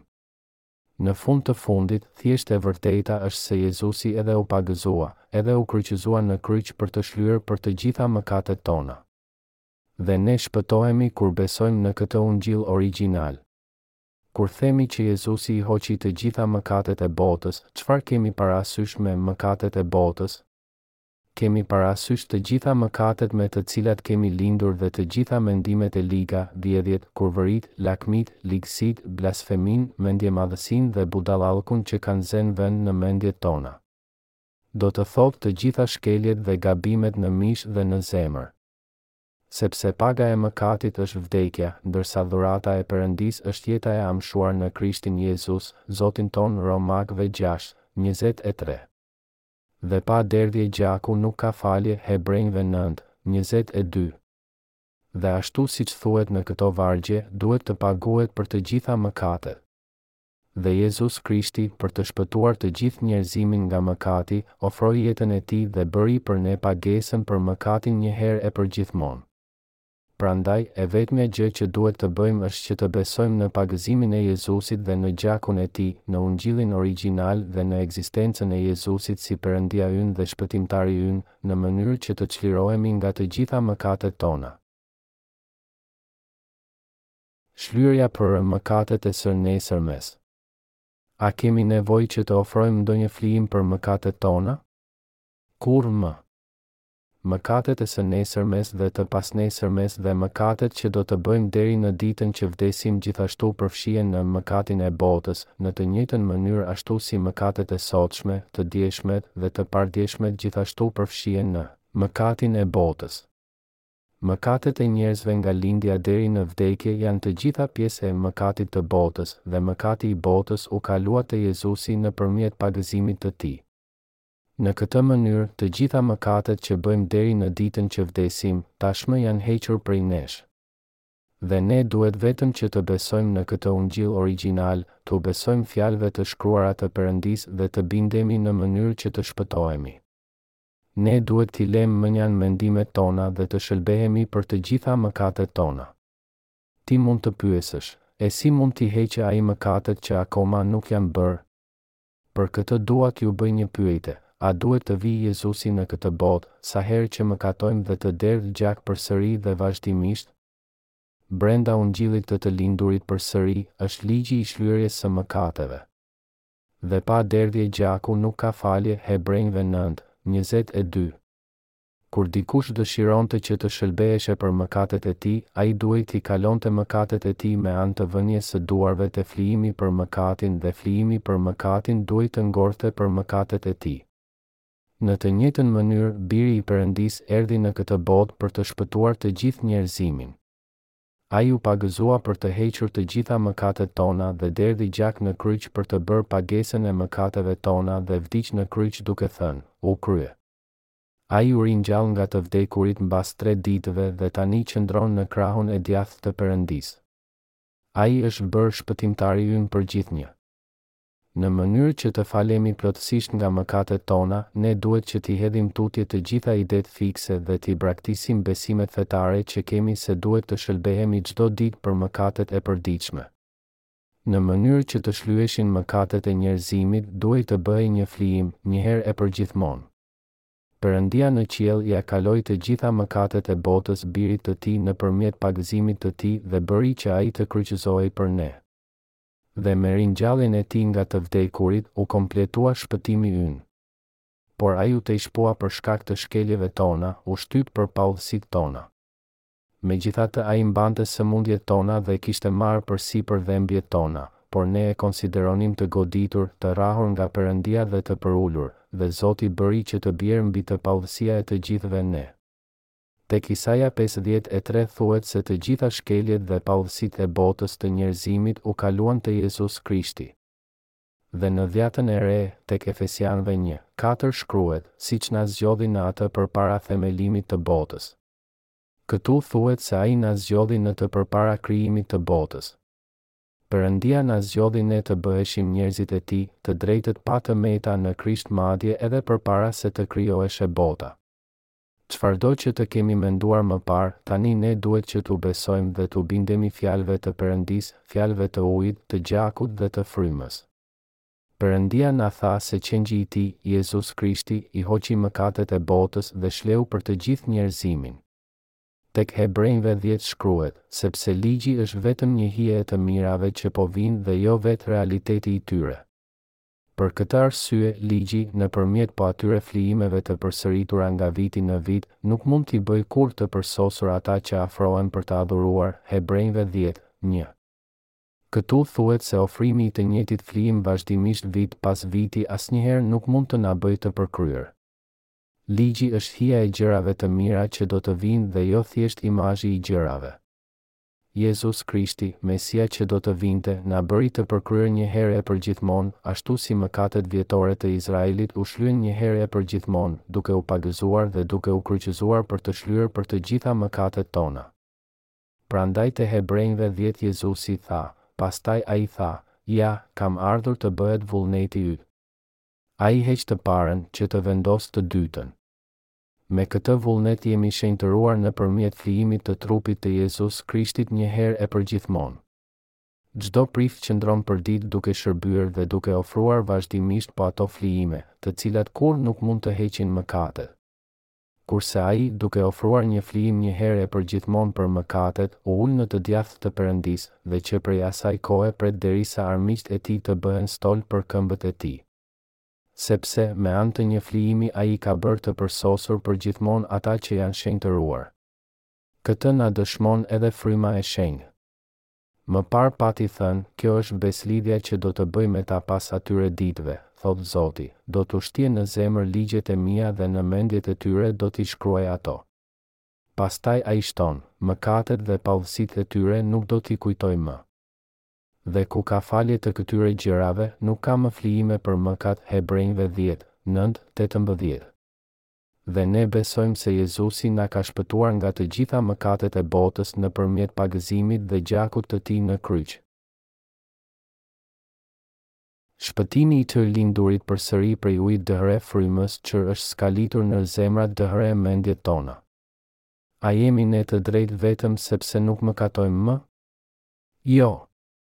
Jemi të drejtë sepse Jezusi i hoqi të gjitha mëkatet tona dhe se ne besojmë në të. A besoni të gjithë ju? Amin, a u bindeni me besim fjalëve të Perëndisë që Jezus Krishti vetë u pagëzua dhe derdhi gjak në kryq për të na shpëtuar ne? Ne duhet të bindemi në mënyrë që të lindemi përsëri. Kur ne besojmë se Jezus Krishti, nëpërmjet Ungjillit të faljes, i lau të gjitha mëkatet tona dhe të gjitha mëkatet e botës, ne mund të shpëtohemi. Ne asnjëherë nuk mund të bëhemi të përsosur duke iu bindur ligjit të Perëndisë, por ne mund të bëhemi të përsosur nëpërmjet besimit tonë në punët e Perëndisë. Jezus Krishti i hoqi të gjitha mëkatet tona nëpërmjet pagëzimit të Tij në Jordan dhe vuajti gjykimin dhe dënimin për të gjitha mëkatet tona në kryq. Duke besuar në këtë Ungjill me gjithë zemër, ne mund të shëlbehemi nga të gjitha mëkatet tona dhe të bëhemi të drejtë. A e besoni këtë? Pagëzimi i Jezusit, kryqëzimi dhe ringjallja e tij janë për shëlbimin e të gjitha mëkateve të njerëzimit dhe ligjin e shpëtimit të bazuara në dashurinë e pafund të Perëndisë. Perëndia na do kështu siç jemi dhe ai është i drejtë, prandaj ai na bëri ne të drejtë në fillim. Ai na bëri të drejtë duke i kaluar të gjitha mëkatet tona te Jezusi nëpërmjet pagëzimit të tij. Për të larë të gjitha mëkatet tona, Ai dërgoi në këtë botë për ne Birin e Tij të vetëm, Jezusin.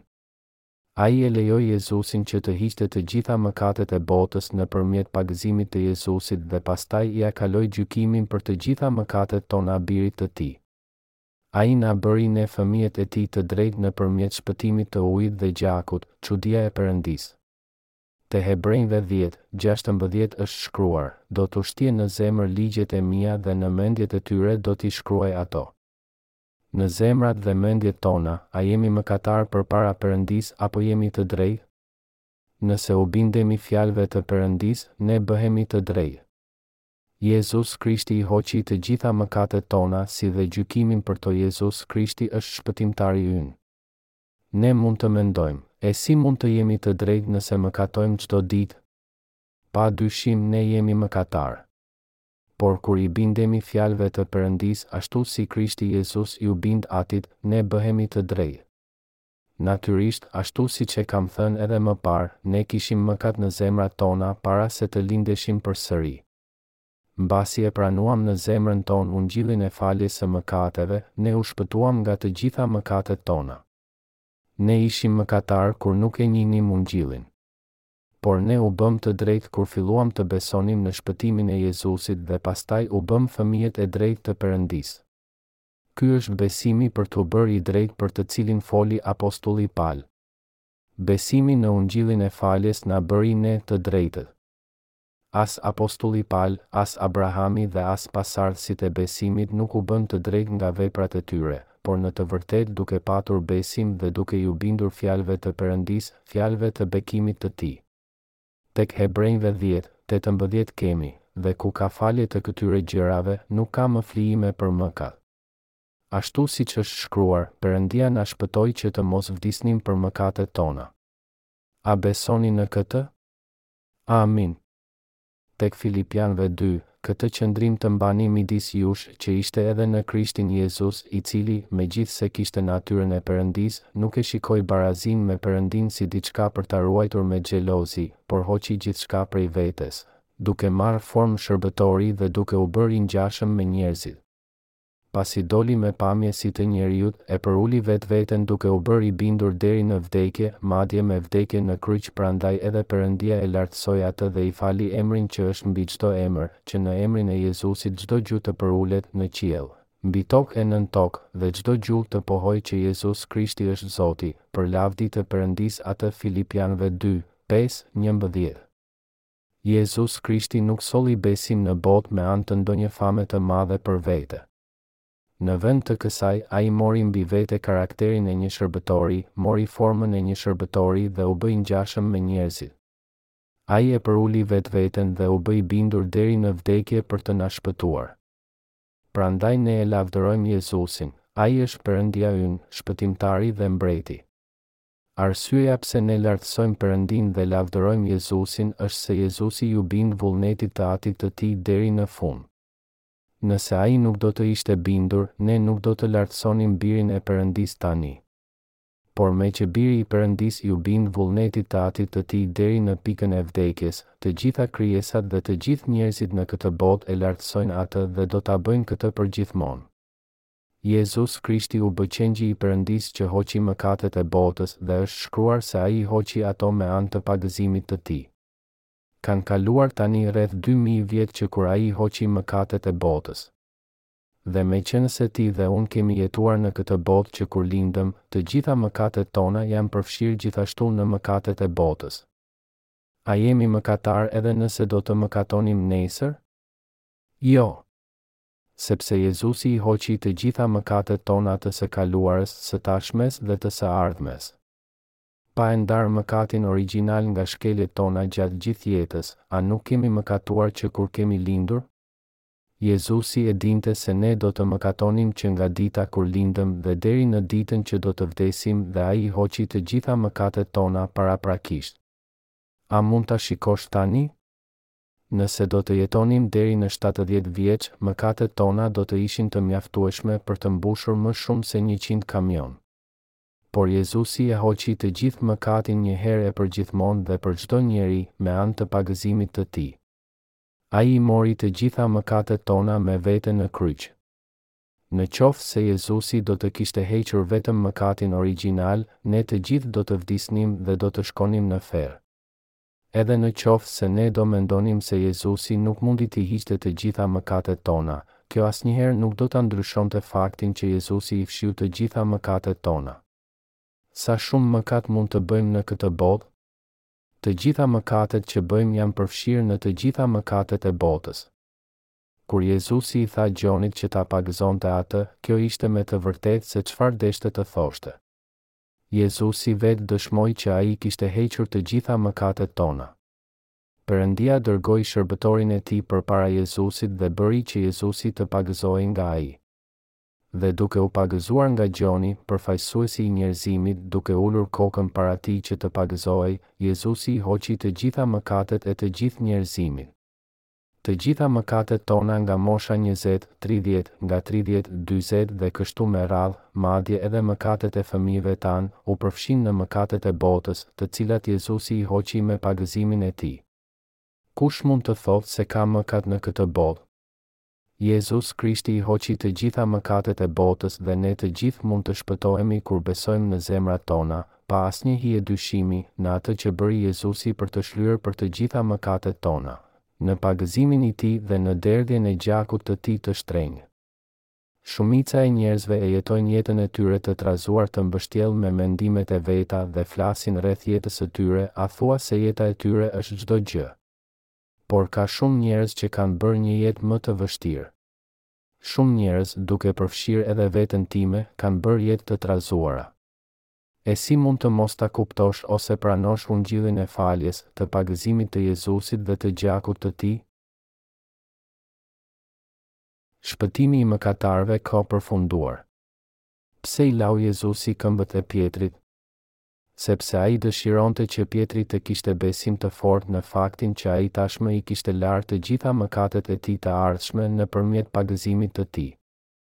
Le të lexojmë Gjonin nëntëmbëdhjetë, Dhe ai duke mbajtur vetë kryqin, doli në një vend që quhet i Kafkës, që në hebraisht i thonë Golgothë. Aty e kryqëzuan me dy të tjerë, njërin në një anë e tjetrin në anën tjetër dhe Jezusin në mes. Pilati hartoi edhe një mbishkrim dhe e vuri mbi kryq. Ishte shkruar, Jezus Nazaretasi, Mbreti i Judenjve.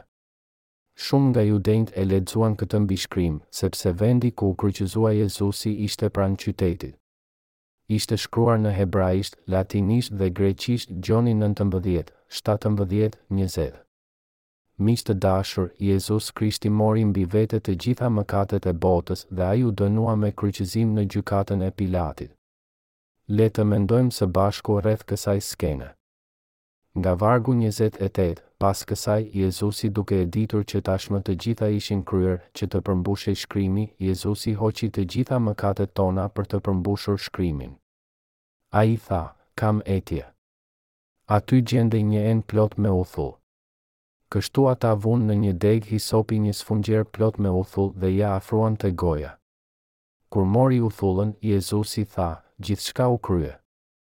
Përkuli kokën e dha shpirt Gjoni nëntëmbëdhjetë, njëzet e tetë, tridhjetë.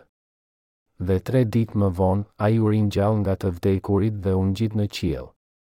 Pagëzimi i Jezusit nga Gjon Pagëzori dhe vdekja e tij në kryq janë të lidhura pashmangshmërisht, asnjëra prej tyre nuk ka asnjë arsye të ekzistojë pa tjetrën. Prandaj le ta lartësojmë Jezusin Zot që na shpëtoi me Ungjillin e tij të faljes. Mishi i njerëzimit gjithmonë ndjek nevojën e mishit dhe ne nuk kemi asgjë në dorë përveçse të mëkatojmë me mishin tonë. Jezus Krishti na dha pagëzimin e tij dhe gjakun e tij për të na shpëtuar nga mëkatet e mishit tonë. Ai na shpëtoi nga mëkatet e mishit tonë me Ungjillin e tij. Ata që kanë larje të plotë të mëkateve të tyre mund të hyjnë në mbretërinë e qiellit në çdo kohë me anë të besimit në Jezus që lindi në Betlehem, që u pagëzua në Jordan, që vdiq në kryq dhe që u ringjall mbas tre ditësh. Prandaj ne lavdërojmë Zotin dhe lartësojmë emrin e Tij përgjithmonë. Në kapitullin e fundit të Gjoni, Jezusi shkoi në Galile mbasi u ringjall nga të vdekurit. Ai shkoi te Pjetri dhe i tha, O Simon i Gjonit, a më do më shumë se këta? Dhe Pjetri iu përgjigj duke i thënë, Po, Zot, ti e di që të dua. Pastaj Jezusi i tha, Kulloti dhent e mia.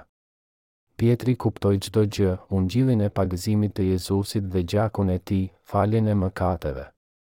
Tani që ai besoi në Ungjillin e Ujit dhe të Gjakut, të faljes dhe tani që kuptoi arsyen pse Jezusi i kishte larë këmbët, besimi i tij në Jezus u bë shumë më i fortë. Le të lexojmë përsëri Gjonin njëzet e një, pesëmbëdhjetë. Pastaj si hëngrën mëngjesin, Jezusi i tha Simon Pjetrit, O Simon i Gjonit, a më do më shumë se këta? Ai i tha, Po, Zot, ti e di që të dua. Ai i tha, Kulloti qengjat e mi. Ai mund t'ia besonte qengjat e tij Pjetrit, sepse Pjetri ishte dishepulli i tij, sepse Pjetri ishte shpëtuar plotësisht dhe sepse Pjetri ishte bërë një shërbëtor i drejtë dhe i përsosur i Perëndisë. Nëse Pjetri do ishte bërë një mëkatar për shkak të mëkateve të tij të përditshme, Jezusi nuk do t'i kishte thënë atij të predikonte Ungjillin e Shlyerjes për mëkatet. sepse ai, duke përfshirë dhe dishepujt e tjerë, do të mëkatonin përditë në mish.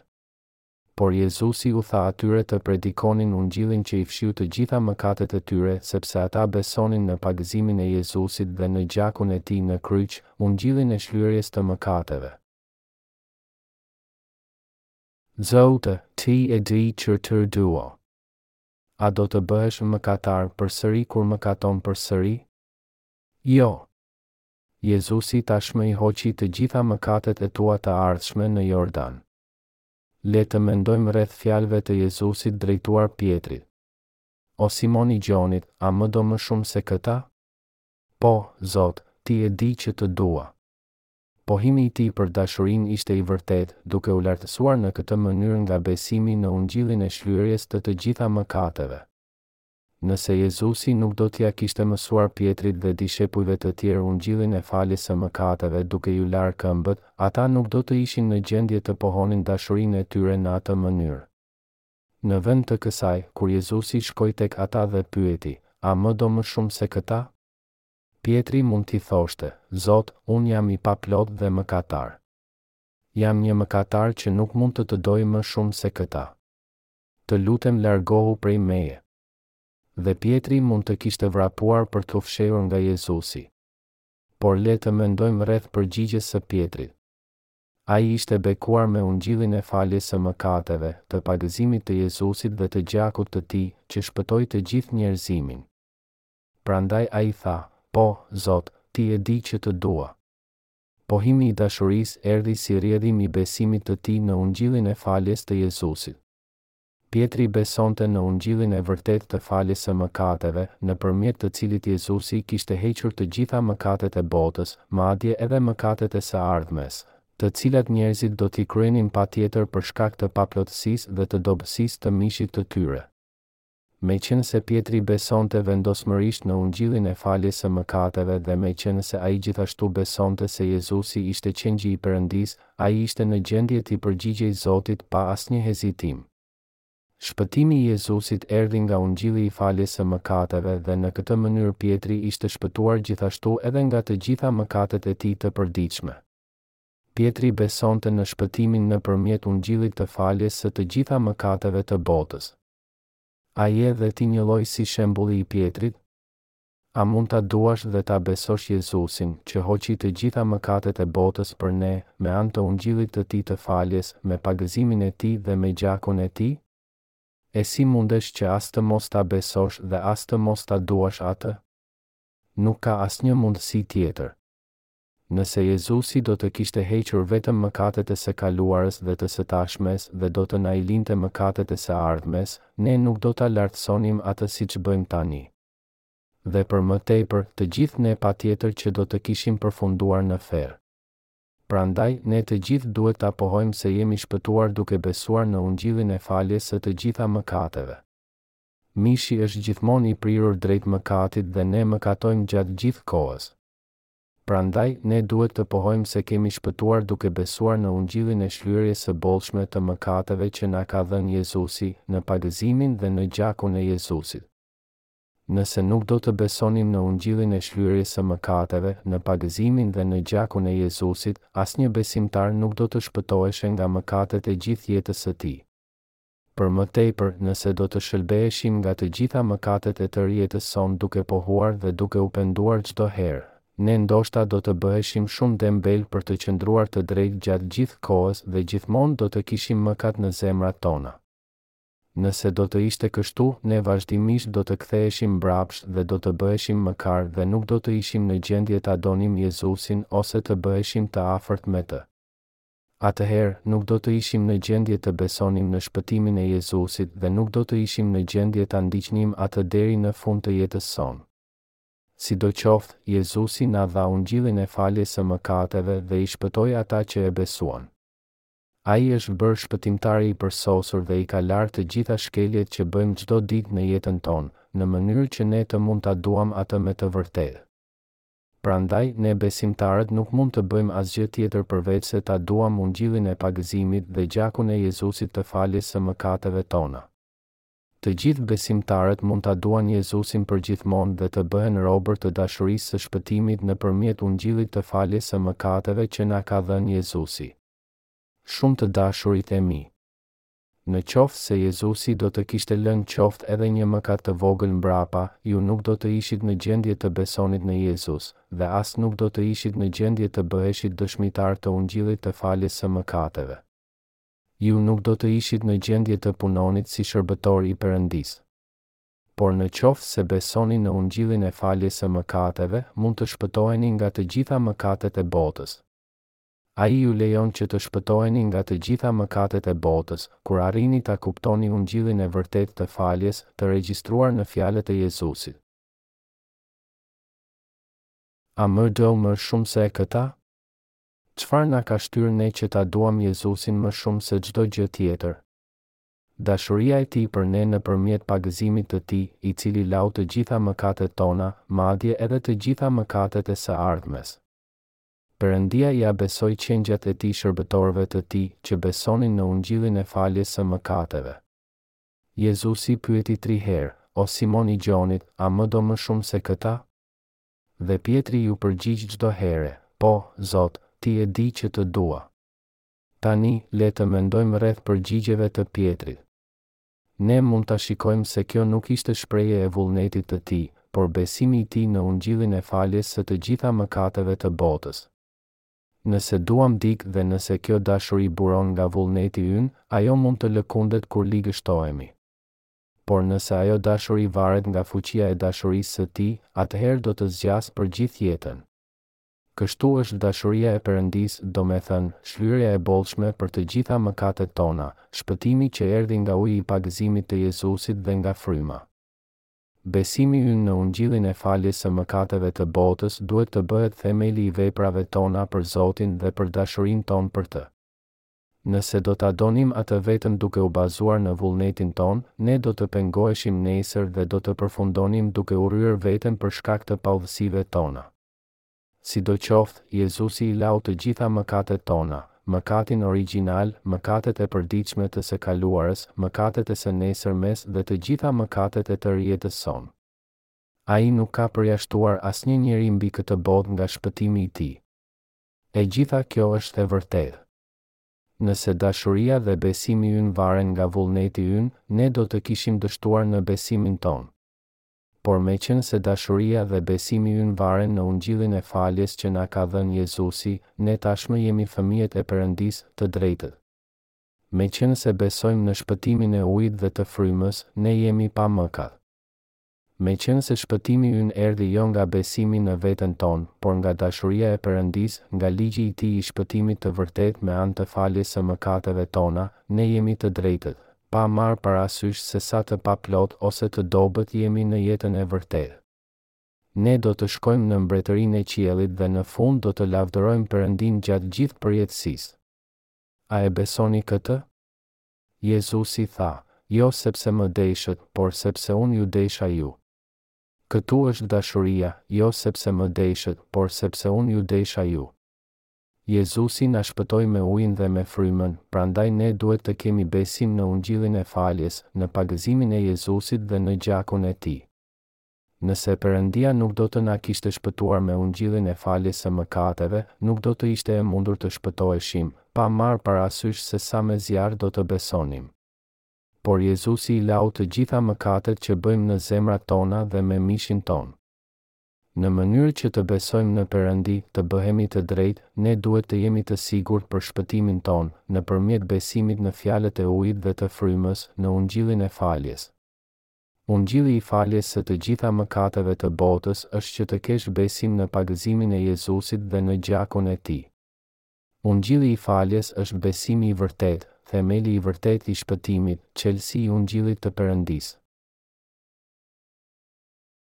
Ne duhet të hedhim tutje besimin që mbështetet në vullnetin tonë. Nga vjen besimi i vërtetë?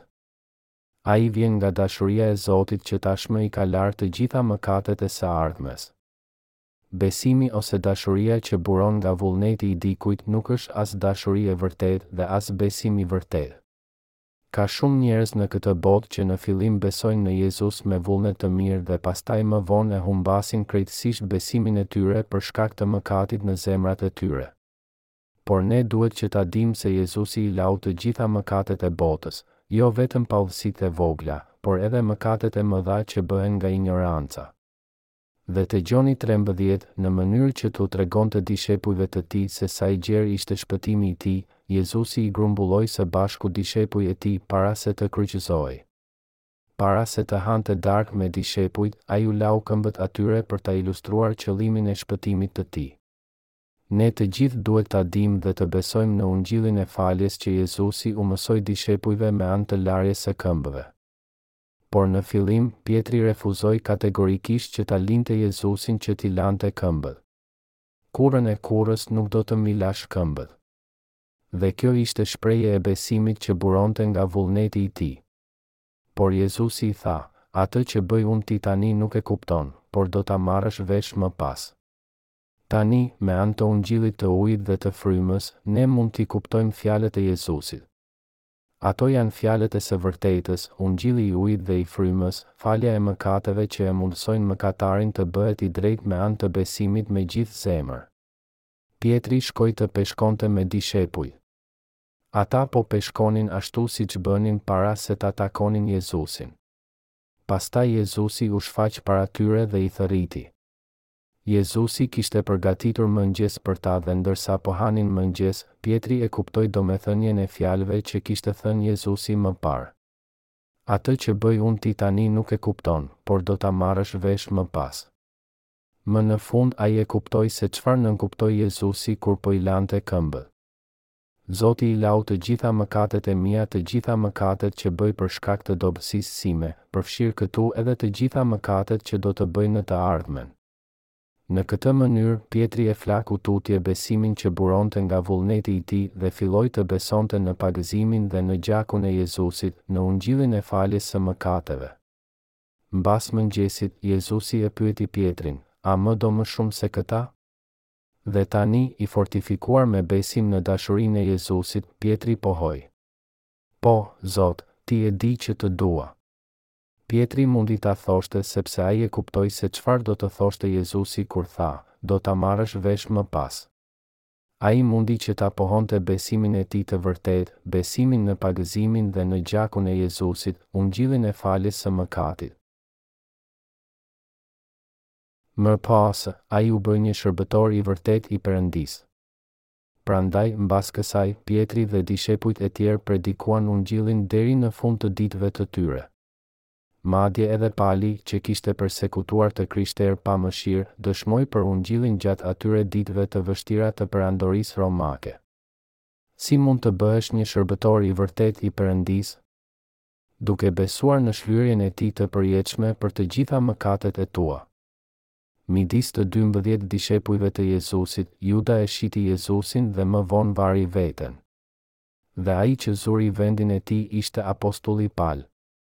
Vetë dishepujt mes tyre zgjodhën Matian, por Pali u zgjodh nga Perëndia dhe Pali u bë një apostull i Jezusit dhe predikoi Ungjillin e faljes së mëkateve, së bashku me dishepujt e tjerë të Jezusit. Shumica e dishepujve të Jezusit vdiqën si martirë. Edhe kur ata u kërcënuan me vdekje, ata vazhduan të predikonin Ungjillin origjinal. Jezus Krishti lau të gjitha mëkatet e mishit me Ungjillin e Tij të pagëzimit dhe të gjakut, Ungjillin e Tij të faljes së mëkateve. Jezusi hoqi mëkatet e tua me pagëzimin e Tij në Jordan dhe u gjykua për ty në kryq. Beso në ungjillin e pagëzimit të Jezusit dhe të gjakut të Tij në kryq dhe shpëtohu. Në të vërtetë të shumtë janë ata që u shpëtuan sepse e dëgjuan dhe e besuan ungjillin. Ishte fuqia e besimit në ungjillin e pagëzimit të Jezusit, gjakut të Tij dhe të frymës. Dishepujt predikuan ungjillin e ujit dhe të frymës, Jezusi është Perëndia dhe Shpëtimtari. Sepse ata dëshmuan për ungjillin e ujit dhe të frymës, ti dhe unë tani mund të dëgjojmë ungjillin e pagëzimit dhe të gjakut të Jezusit, të shpëtimit dhe të shpëtohemi nga mëkati. Për shkak të dashurisë së pakufishme të Perëndisë dhe të shpëtimit të plotë të Jezusit, ne të gjithë jemi bërë dishepujt e Jezusit. A besoni të gjithë ju? Jezusi na deshte aq shumë saqë Ai na dha Ungjillin e Ujit dhe të Frymës, faljes së mëkateve dhe ne jemi bërë dishepuj të drejtë të Jezusit. Në mënyrë që t'u mësonte të tjerëve Ungjillin e vërtetë të faljes, Jezusi lau këmbët e dishepujve të Tij. Jezusi lau këmbët e dishepujve të Tij që t'u mësonte atyre dhe neve që të gjitha mëkatet e botës, të gjitha mëkatet që bëjmë gjatë gjithë jetës sonë, u lanë plotësisht kur Jezusi u pagëzua dhe derdhi gjak në kryq. Dhe ne falënderojmë Jezusin për dashurinë e tij dhe për ungjillin e faljes. Jezusi na mësoi dy gjëra me anë të larjes së këmbëve të dishepujve. E para ishte që t'i mësonte ata, ashtu siç e tha dhe vetë, Atë që bëj unë ti tani nuk e kupton, por do ta marrësh vesh më pas, që të gjitha mëkatet tona u lanë nga ungjilli i faljes, i pagëzimit të Jezusit dhe gjakut të tij.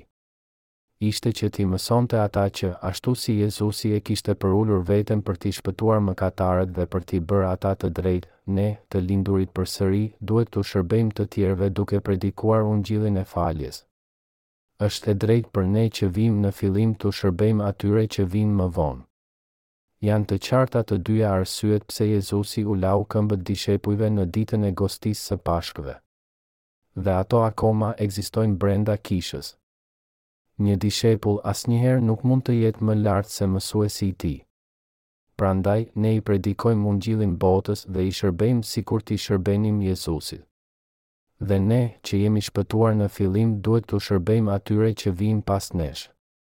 Për të na e mësuar këtë, Jezusi lau këmbët e dishepujve. Për më tepër, duke larë këmbët e Pjetrit, ai na tregoi ne që ai është Shpëtimtari i përsosur për ne, në mënyrë që ne asnjëherë të mos mashtrohemi nga djalli përsëri. Ju të gjithë mund të shpëtoheni duke besuar në Ungjillin e faljes së mëkateve, të ujit dhe të frymës. Jezusi i lau të gjitha mëkatet tona me pagëzimin e Tij, kryqëzimin e Tij dhe me ringjalljen dhe vetëm ata që besojnë në Ungjillin e Tij mund të shpëtohen përgjithnjë nga mëkatet e botës. Besimi në Ungjillin që lau të gjitha mëkatet tona të përditshme. Ne mund t'u japim fund mashtrimeve të djallit duke besuar në Ungjillin e faljes, fjalëve të Ujit dhe të Frymës. Njerëzit mashtrohen lehtë nga djalli dhe djalli na përshpërit vazhdimisht në vesh. Duke e ditur që mishi i njerëzve mëkaton në botë, si mund të mos jenë ata ndonjëherë pa mëkat? Të gjithë njerëzit janë mëkatarë. Ne e dimë përgjigjen. Duke e ditur se Jezusi hoqi të gjitha mëkatet e mishit tonë me pagëzimin e tij, si mundet që një besimtar të mos ketë mëkat? Sepse Jezusi e ka bërë pagesën e plotë të mëkatit dhe atëherë, cili mëkat është lënë për ne që ta paguajmë? Në qoftë se ne nuk besojmë në Ungjillin e ujit dhe të gjakut, fjalët e djallit duken të arsyeshme. Por nëse kemi Ungjillin në anën tonë, ne mund të kemi besim të patundur në të vërtetën e fjalëve të Perëndisë. Prandaj, ne duhet që të kemi besim në Ungjillin e të lindurit përsëri të ujit dhe të gjakut. Besimi i vërtetë është që të besosh në ungjillin e pagëzimit të Jezusit, gjakut të Tij në kryq, vdekjes së Tij dhe ringjalljes së Tij. A keni parë ndonjëherë ndonjë skicë të ndonjë modeli të tabernakullit të shenjtë? Është një ndërtesë e vogël. Shtëpia është ndarë në dy seksione, pjesa e jashtme është vendi i shenjtë dhe pjesa e brendshme është vendi shumë i shenjtë, ku qëndron edhe pajtuesi. Numri i përgjithshëm i shtyllave që qëndrojnë në pjesën e jashtme të tabernakullit të shenjtë është gjashtëdhjetë, ndërsa vendi i shenjtë ka dyzet e tetë trarë. Ne duhet që ta përfytyrojmë tabernakullin e shenjtë në mendjen tonë, në mënyrë që të kuptojmë domethënien e fjalëve të Perëndisë. Me çfarë materiali ishte ndërtuar porta e tabernakullit? Me çfarë materiali ishte ndërtuar oborri i tabernakullit të shenjtë? Një perde me ngjyrë vjollce, të purpurt, flakë të kuqe dhe prej liri të hollë të përdredhur. Porta e hyrjes në oborrin e tabernakullit të shenjtë përshkruhet tek Eksodi njëzet e shtatë, gjashtëmbëdhjetë, Për portën e hyrjes në oborr do të ketë një perde prej njëzet kubitësh, me fill ngjyrë vjollce, të purpurtë. Flakë të kuqe dhe prej liri të hollë të përdredhur, punë e një qëndistari, me katër shtyllat dhe katër bazat e tyre. Materialet e përdorura për portën e oborrit të tabernakullit ishin fill ngjyrë vjollce, të purpurtë dhe të kuqe flakë si dhe li të hollë dhe të përdredhur. Dhe ishte një fill i përdredhur dhe me shumë ngjyra. Perëndia i kishte thënë Moisiut që ta endte portën me fill me ngjyrat vjollcë, të purpurt dhe flakë të kuqe në mënyrë që të ishte e lehtë për çdo njeri ta gjente hyrjen. Dhe porta e endur me fillin me ngjyrë vjollce, të purpurt dhe të kuqe flakë dhe me lirin e hollë e të përdredhur vareshin në katër shtylla. Dhe këto katër materiale simbolizojnë projektin e shpëtimit të Perëndisë, me anë të të cilit Ai do t'i shpëtonte të gjithë ata që besonin në Birin e Tij, në pagëzimin dhe në gjakun e Jezusit dhe që Ai ishte Perëndi. Çdo material që u përdor për të ndërtuar tabernakullin e shenjtë ka një kuptim të veçantë dhe përfaqëson Fjalën e Perëndisë dhe planet e Tij për të shpëtuar njerëzimin nëpërmjet Jezusit. Tani, sa lloje materialesh të ndryshme u përdorën për portën e hyrjes të oborrit të tabernakullit të shenjtë? Fill vjollcë, i purpurt dhe flakë i kuq si dhe li i hollë e i përdredhur. Dhe këto të katërt janë shumë domethënës për të na ndihmuar që të forcojmë besimin tonë në Ungjillin e të qënurit të lindur përsëri.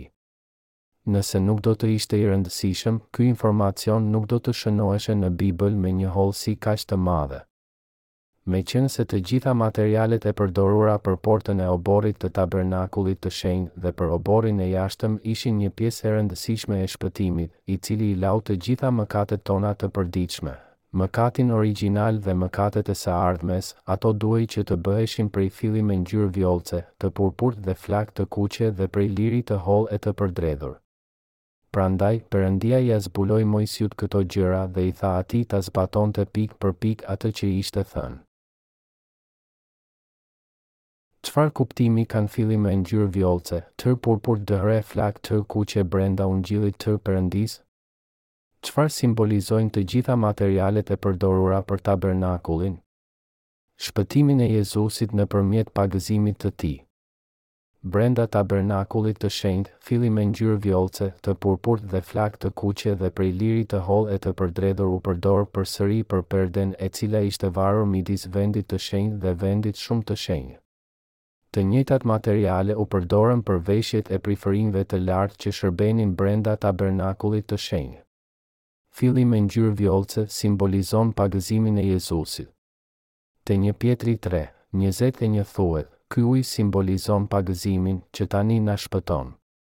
Pagëzimi i Jezusit nëpërmjet të cilit ai i hoqi të gjitha mëkatet e botës është konfirmuar nga Pjetri në këtë varg si simboli i shpëtimit të shlyerjes.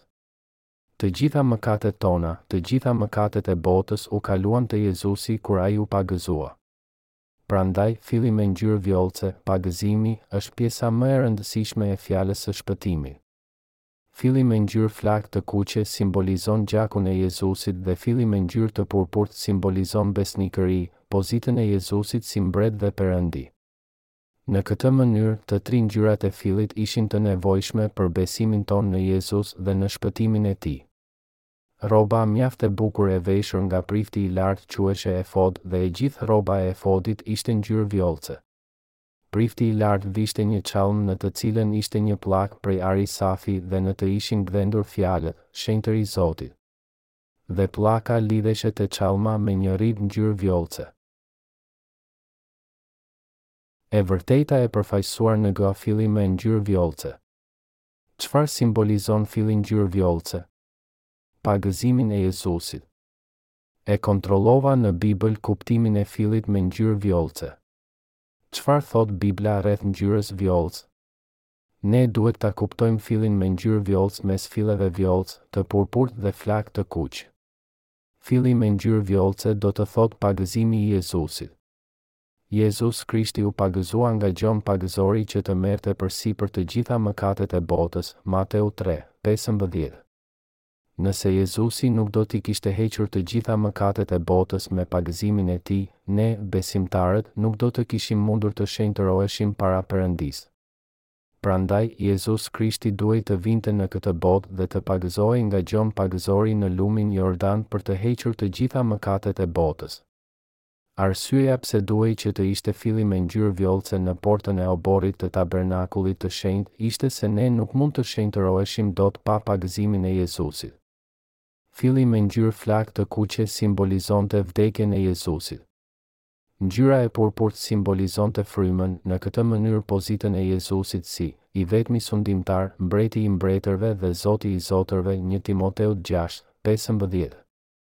Filli me ngjyrë flakë të kuqe simbolizonte gjakun e Krishtit, i cili derdhi gjak në kryq për të paguar për mëkatin e gjithë njerëzimit. Jezus Krishti erdhi në këtë botë në mish për të marrë mbi vete të gjitha mëkatet e njerëzimit, para se ta kryqëzonte veten në kryq për ungjillin e faljes së mëkatit. Pagëzimi i Jezusit është ungjilli i vërtetë i faljes, i cili është profetizuar nëpërmjet ngjyrave të fillit që janë përdorur në tabernakullin e shenjtë të Dhjatës së Vjetër. Shtyllat e tabernakullit ishin bërë prej drurit të akacies dhe bazat ishin prej bronzi dhe bazat e bronzit mbuloheshin me baza prej argjendi. Të gjithë mëkatarët duhej që të gjykoheshin për mëkatet e tyre sepse pagesa e mëkatit është vdekja. Para se dikush të bekohej nga Perëndia për të jetuar përsëri, ai duhej që të gjykoheshe për mëkatet e tij.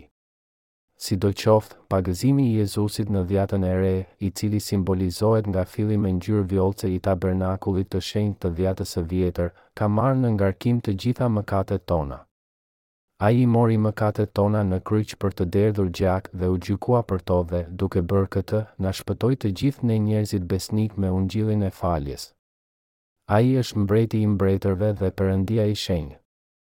Të dashur, pagëzimi i Jezusit ishte shpëtimi i Jezusit, që na shpëtoi duke i hequr të gjitha mëkatet tona. Jezusi, që është Perëndia, zbriti në këtë botë në mish, Ai u pagëzua për të marrë përsipër të gjitha mëkatet e botës, Ai u kryqëzua dhe derdhi gjak në kryq për të pranuar gjykim në vendin tonë. Pagëzimi i Jezusit na tregon pa patur asnjë hije dyshimi se ai është bërë Shpëtimtari i vërtetë për të gjithë njerëzimin. Ne gjithashtu mund ta shikojmë atë në ngjyrat që u përdorën për portën e tabernakullit të shenjtë. Përdorimi i lirit të hollë e të përdredhur do të thotë që ai na shpëtoi të gjithëve pa përjashtim nga të gjitha mëkatet e botës. Qëndisja e rrobes së portës me fill me ngjyrë vjollce, të purpurt dhe flakë të kuqe në li të hollë e të përdredhur ishte që të na tregonte ne në mënyrë të qartë të vërtetën e shpëtimit të Perëndisë. Ishte shumë e rëndësishme në shpëtimin e shlyerjes. Ne mund ta shikojmë nga materialet e përdorura për portën e tabernakullit të shenjtë se Jezus Krishti nuk na shpëtoi ne mëkatarëve rastësisht, pa e planifikuar. Ai, duke e ndjekur me kujdes planin e hollësishëm të Perëndisë, u pagëzua dhe u kryqëzua dhe pastaj u ringjall nga të vdekurit për të përmbushur shpëtimin e njerëzimit. Me fill ngjyrë vjollce, të purpurt dhe flakë të kuqe, materialet e ungjillit të faljes, Jezusi shpëtoi të gjithë ata që besonin në shpëtimin e tij. Legeni prej bronzi në Dhjatën e Vjetër ishte një shembëllim i pagëzimit të Dhjatës së Re. Pse priftërinjtë i lanin duart dhe këmbët para se të hynin në vendin e shenjtë? Sepse ata duhej që të qëndronin përballë Perëndisë pa asnjë mëkat. Edhe legeni ishte bërë prej bronzi. Bronzi përfaqëson gjykimin që vuajti Jezusi për ne. Legeni i ujit simbolizonte fjalën e ungjillit që na tregon se të gjitha paudhësitë tona janë larë. Na tregon se si kryeshe larja e mëkateve të përditshme. Ai është një shembëllim i së vërtetës se mëkatet e përditshme të të gjithë njerëzimit mund të lahen nëpërmjet besimit në fjalët e pagëzimit të Jezusit. Altari i Holokaustit përfaqëson gjykimin. Dhe uji i Jezusit që është ngjyrë vjollcë, është ungjilli i shlyerjes së mëkateve, pagëzimi i Jezusit nga Gjon Pagëzori, Mateu tre, pesëmbëdhjetë, një Gjoni pesë, pesë, dhjetë. Ai është fjala e dëshmisë për ungjillin e shpëtimit nëpërmjet shlyerjes. Te një Gjoni pesë shkruhet, Kjo është fitorja qe ka ngadhënyer mbi botën, besimi ynë. Edhe tre janë ata që dëshmojnë mbi dhe, fryma, uji dhe gjaku, dhe këta të tre janë të një mendimi. Ai gjithashtu na tregon se ai që beson në Birin e Perëndisë ka dëshminë e ujit, të gjakut dhe të frymës në të. Perëndia na lejoi që të shenjtëroheshim nëpërmjet besimit në Ungjillin e Shlyerjes dhe të hynim në Tabernakullin e Shenjtë. Prandaj, ne tani mund të jetojmë në besim, të ushqehemi në fjalët e Perëndisë, të bekohemi prej Tij dhe të bëjmë jetën e të drejtëve. Të bëhesh populli i Perëndisë do të thotë të shpëtohesh nëpërmjet besimit në Ungjillin e Shlyerjes dhe të jetosh brenda tabernakullit të shenjtë. Sot, shumë njerëz mendojnë se mjafton që vetëm të besosh, pa menduar për kuptimin e fillit me ngjyrë vjollcë, të purpurtë dhe flakë të kuq të portës së tabernakullit të shenjtë. Në qoftë se dikush do të besonte në Jezus pa i ditur këto gjëra, besimi i tij nuk do të ishte i vërtetë, sepse përsëri do të kishte mëkat në zemrën e tij. Një person përsëri do të kishte mëkat në zemër, sepse nuk do të besonte në të vërtetën e të lindurit përsëri nëpërmjet Ungjillit të Shlyerjes, nëpërmjet Ujit, Gjakut dhe Frymës. Nëse dikujt do t'i kërkohej që të vlerësonte dikë që nuk e njihte dhe nëse ai do të thoshte, sa për ta kënaqur dëgjuesin, Po, e besoj këtë person. Kurrë nuk e kam takuar atë më parë, por megjithatë e besoj. A mendoni se dëgjuesi do të kënaqej kur ta dëgjonte këtë? Ndoshta disa prej jush do të ishin të kënaqur, por ky besim nuk është ai lloj besimi që dëshiron Perëndia prej nesh. Perëndia do që ne të besojmë në ungjillin e faljes së mëkateve, në shpëtimin e Jezusit nëpërmjet ngjyrës vjollcë, pagëzimit, ngjyrës së purpurt, mbretërimit, dhe ngjyrës flakë të kuqe, gjakut. Ne duhet ta dimë se si Jezusi na shpëtoi nga të gjitha mëkatet tona para se të kishim besim në të. Kur besojmë në Jezus, ne duhet ta dimë se si Ai na shpëtoi nga të gjitha mëkatet tona nëpërmjet ujit, pagëzimit të Jezusit, gjakut, vdekjes së Tij, dhe frymës, Jezusi është Perëndi. Kur arrijmë ta kuptojmë plotësisht, ne mund ta provojmë besimin e vërtetë dhe të pushtohemi nga besimi i plotë. Besimi ynë asnjëherë nuk mund të jetë i plotë pa ditur këtë të vërtetë. Besimi i vërtetë vjen vetëm duke kuptuar dëshminë e shpëtimit të Jezusit, Ungjillin e faljes dhe duke kuptuar që Jezusi është Shpëtimtari i vërtetë i njerëzimit. Atëherë si do të ishte besimi që e tall Jezusin? Le ta shikojmë. Besimi që e tall Jezusin. Cila është gjëja më e nevojitshme për besim? Njohuria e saktë e pagëzimit të Jezusit. Duhet ta dini se të besosh në Jezus në mënyrë arbitrare është sikur ta tallësh Atë. Nëse mendon, Unë e kam shumë të vështirë që ta besoj, por më duhet që ta besoj se Ai është Perëndia dhe se Ai është Biri i Perëndisë, atëherë po e tall Jezusin. Duhet që të besosh në pagëzimin dhe në gjakun e Jezusit, në Ungjillin e Shlyerjes. Të besosh në Jezus pa e njohur ungjillin e shlyerjes është më keq se të mos besosh fare në Jezus. Të predikosh ungjillin kur dikush beson vetëm në gjakun e Jezusit është si të punosh më kot, pa e ditur të vërtetën. Jezusi nuk do që njerëzit të shkojnë dhe të predikojnë rreth besimit në të në mënyrë arbitrare, ose besimit në të pa asnjë shkak. Ai do që ne të besojmë në të nëpërmjet njohjes së ungjillit të shlyerjes. Kur besojmë në Jezus, ne e dimë se ungjilli i shlyerjes është pagëzimi dhe gjaku i Jezusit. Kur besojmë në Jezus, ne duhet ta kuptojmë ungjillin e shlyerjes nëpërmjet fjalëve të Tij dhe duhet ta dimë në mënyrë të veçantë se si Ai lau të gjitha mëkatet tona. Ne gjithashtu duhet ta dimë se çfarë përfaqëson filli me ngjyrë vjollcë, të purpurtë dhe flakë të kuqe në portën e tabernakullit të shenjtë. atëherë ne mund të kemi besimin e vërtetë i cili zgjat përjetësisht. Ne asnjëherë nuk mund të lindemi përsëri pa besuar në Jezus, i cili është themeli i fillit me ngjyrë vjollcë, të purpurt dhe flakë të kuqe. Çfarë bënin priftërinjtë para se të hynin në vendin e shenjtë? Ata lanin duart dhe këmbët në ujin e legenit prej bronxi. Zoti ynë Jezus na shpëtoi ne. Ne nuk mund të bëjmë asgjë tjetër përveçse ta lavdërojmë Zotin kur e shikojmë se sa përsosmërisht na shpëtoi Ai. Ne duhet ta shikojmë tabernakullin e shenjtë. Ai na dha fjalët e ungjillit të shlyerjes nëpërmjet fillit me ngjyrë vjollcë, të purpurt dhe flakë të kuqe të tabernakullit të shenjtë dhe na shpëtoi me anë të tyre. Ne falënderojmë dhe lavdërojmë Zotin. Mëkatarët nuk mund të hynin në vendin e shenjtë pa kaluar më parë në një gjykim të tmerrshëm. E si mund të hynte dikush në vendin e shenjtë pa u gjykuar për mëkatet e tij? Kjo do të ishte e pamundur. Nëse një person i tillë do të hynte, ai do të vritej aty në atë moment. Ky nuk do të ishte një bekim, por një mallkim. Mëkatari as që mund të hynte në vendin e shenjtë dhe as që pritej që të jetonte. Zoti ynë na shpëtoi nëpërmjet sekretit të fshehur në portën e tabernakullit të shenjtë. Ai na shpëtoi me anë të fillit me ngjyrë vjollcë, të purpurt dhe flakë të kuqe dhe me lirin e hollë të përdredhur. Gjithashtu ai na tregoi sekretin e shpëtimit të tij nëpërmjet këtyre gjërave. A u shpëtuat ju dhe unë në këtë mënyrë? Nëse nuk besojmë në fjalët e fillit me ngjyrë vjollcë, të purpurt dhe flakë të kuqe, nuk mund të ketë shpëtim nëpërmjet ungjillit të shlyerjes. Ngjyra vjollcë nuk përfaqëson Perëndinë, përfaqëson pagëzimin e Jezusit.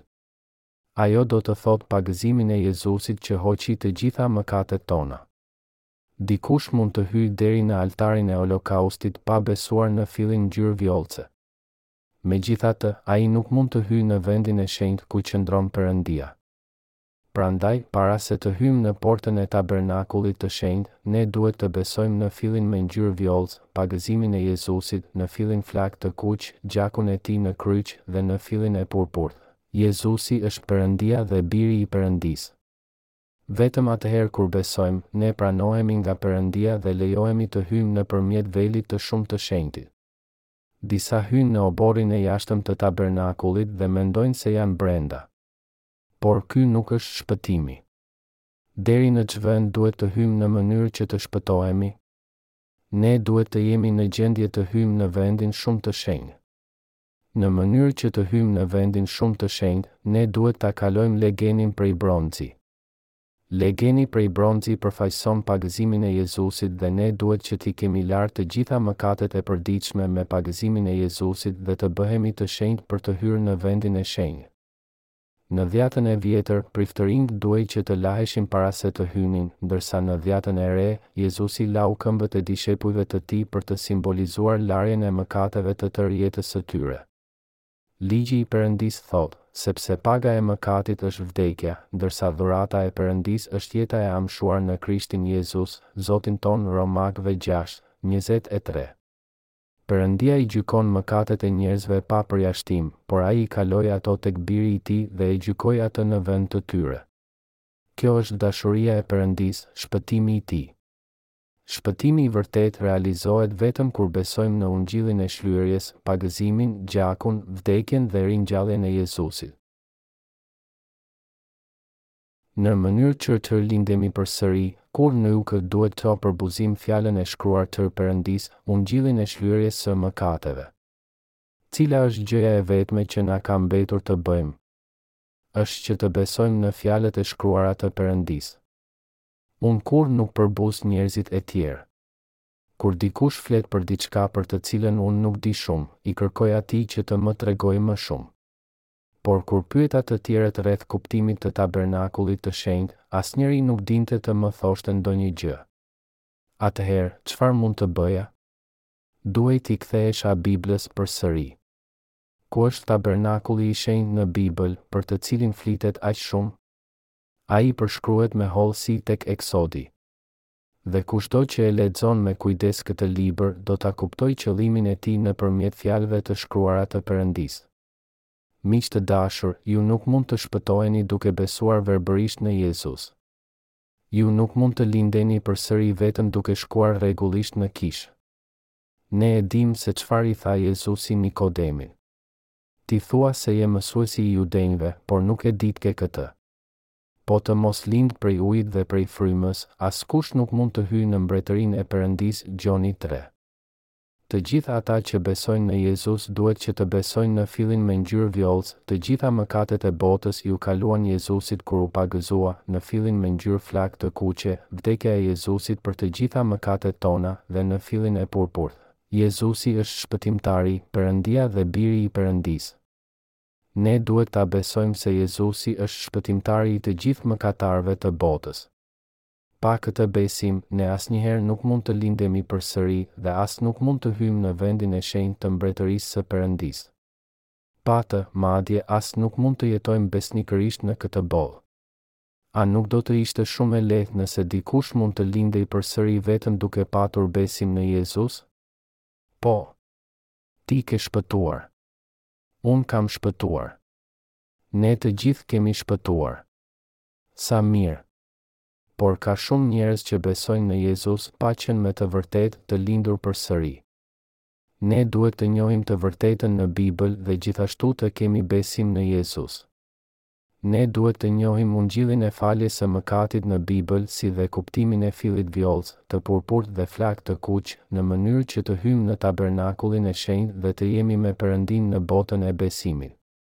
Brenda tabernakullit të besimit, ne mund të jetojmë të lumtuar derisa të vijë koha për të shkuar në mbretërinë e qiellit. Është shumë e rëndësishme që ne ta dimë se si të besojmë në Jezus në mënyrën e duhur. Ungjilli origjinal sjell shenjtërim me fillin me ngjyrë vjollcë. Cili është kushti i domosdoshëm për shpëtim? Pagëzimi i Jezusit. Ndonjëherë dikush mund të mendojë se ai mund të jetojë në mënyrë të përsosur pa bërë ndonjë gabim. Por kur ai përpiqet që të bëjë diçka, shumë shpejt do t'i shikojë të metat e tij. Qeniet njerëzore janë kaq të mangëta, saqë është e pamundur që dikush të mos mëkatojë. Megjithatë, meqenëse Jezusi na shpëtoi me fillin me ngjyrë vjollcë, të purpurt dhe flakë të kuqe, me ungjillin e shlyerjes, ne mund të shenjtërohemi dhe të hyjmë në vendin e shenjtë të Perëndisë. Nëse Perëndia nuk do të na kishte shpëtuar me fillin vjollcë, të purpurt dhe flakë të kuq, ne asnjëherë nuk do të ishim në gjendje të hynim vetë në vendin e shenjtë. Cili është qëllimi për këtë? Nëse aty do të hynin vetëm ata që do të bënin një jetë të përsosur në mish, atëherë nuk do të kishte asnjë njeri që të kualifikohej. Kur dikush beson në Jezus pa Ungjillin, ai vetëm i shton mëkatet në zemrën e tij. Jezusi na shpëtoi me shpëtimin që e planifikoi me aq kujdes, shpëtimin e fillit ngjyrë vjollce, të purpurt dhe flakë të kuqe dhe me lirin e hollë të përdredhur. Ai lau të gjitha mëkatet tona, a besoni në këtë? Po. A e ke në zemër të vërtetën e Ungjillit të faljes dhe a e ndan dëshminë për të? Po.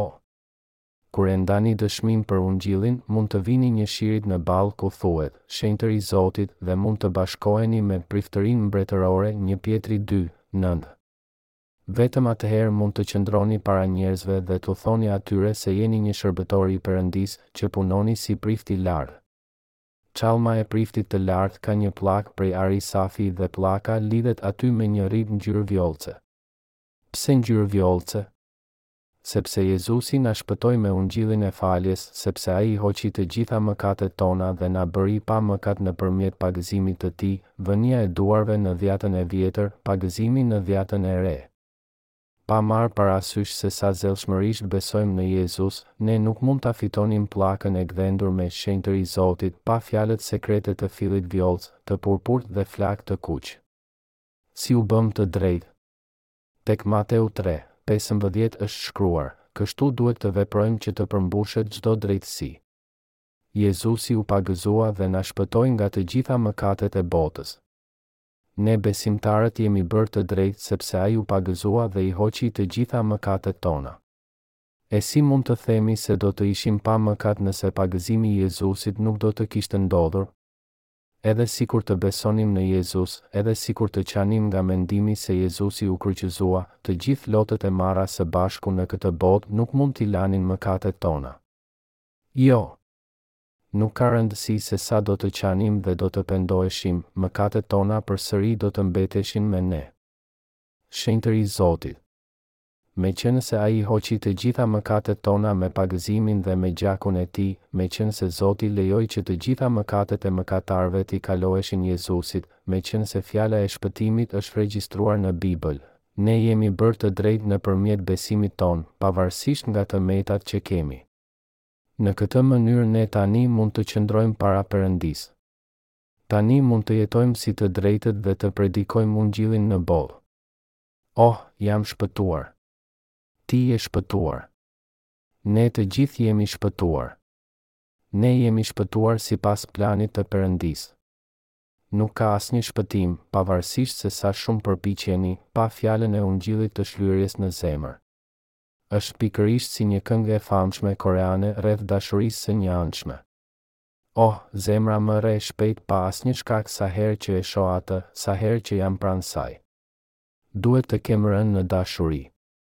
Zemra ime rreh shpejt, por jo e saj. Por ajo nuk i është përgjigjur asnjëherë dashurisë sime. Njerëzit kanë tendencë që të mendojnë se shpëtimi vjen në mënyra të ndryshme për njerëz të ndryshëm. Ata pyesin, Pse duhet që të vijë vetëm nëpërmjet ungjillit të pagëzimit? Nëse nuk vjen nëpërmjet ungjillit të pagëzimit të Jezusit, ai nuk është shpëtim i plotë. Kjo është mënyra e vetme për t'u bërë të drejtë para Perëndisë, sepse kjo është mënyra e vetme për t'u larë plotësisht nga të gjitha mëkatet tona. Cili është shpëtimi i fillit me ngjyrë vjollcë që na dhuroi Jezusi? Cila gjë na ka bërë të drejtë? Ungjilli i fillit vjollcë, të purpurt dhe flakë të kuq. Shpëtimi nëpërmjet ungjillit të fillit ngjyrë vjollce, të purpurt dhe flakë të kuq është dhurata e Perëndisë për të gjithë njerëzimin. Kjo dhuratë na ka mundësuar të hyjmë në tabernakullin e shenjtë dhe të jetojmë në paqe. Ajo na ka bërë të drejtë. Na ka bërë të drejtë dhe na ka mundësuar të jetojmë brenda kishës, të përgatitemi me fjalët e shenjta brenda kishës. Sa herë që shkojmë para Perëndisë për t'u lutur, Ungjilli na bekon me dashurinë e Tij. Kjo është arsyeja pse shpëtimi është kaq e çmueshëm për ne. Jezusi na thotë që të ndërtojmë shtëpinë mbi shkëmb. Shkëmbi është pagëzimi i Jezusit. Ne të gjithë duhet të shpëtohemi, të jetojmë me shpëtim, të shkojmë në qiell, të fitojmë jetën e përjetshme dhe të bëhemi fëmijët e Perëndisë. Miq të dashur, për shkak të Ungjillit të Shlyerjes, ne jemi në gjendje të hyjmë në tabernakullin e shenjtë me besim. Për shkak të larjes së të gjitha mëkateve tona, pagëzimi i Jezusit, dhe për shkak të gjykimit në kryq, ne jemi shpëtuar duke patur besim në Ungjillin e pagëzimit të Jezusit. Shlyerja e bollshme për të gjitha mëkatet tona, pagëzimi dhe gjaku i Jezusit është Ungjilli që lau të gjitha mëkatet tona. A e besoni këtë? Ungjilli i vërtetë është Ungjilli qiellor i Shlyerjes, i cili i lau plotësisht të gjitha mëkatet tona. Ne kemi lindur përsëri duke besuar në Ungjillin e Shlyerjes. Jezusi na ka dhënë Ungjillin e Shlyerjes i cili lau madje edhe mëkatet tona të përditshme. Lavdi Zotit! Aleluja! Falënderime Zotit! Ungjilli i ujit dhe frymës, Ungjilli i ujit dhe i gjakut, është Ungjilli i vërtetë folur nga Jezus Krishti. Ky libër u shkrua që të zbulonte Ungjillin e Jezusit, Ungjillin e ujit dhe të frymës. Meqenëse shumë njerëz besojnë në Jezus pa e ditur të vërtetën e plotë, ata tani po jetojnë në botën e teologjisë krishtere, e ashtuquajtuara teologji filozofike, shpejt ata do të jetojnë në herezi dhe konfuzion. Prandaj ne duhet të kthehemi dhe të besojmë në Ungjillin e vërtetë. Akoma nuk është shumë vonë. Në librin e dytë unë do të jap më shumë hollësira për ata që kanë pyetje rreth Ungjillit të të lindurit përsëri prej ujit dhe prej frymës.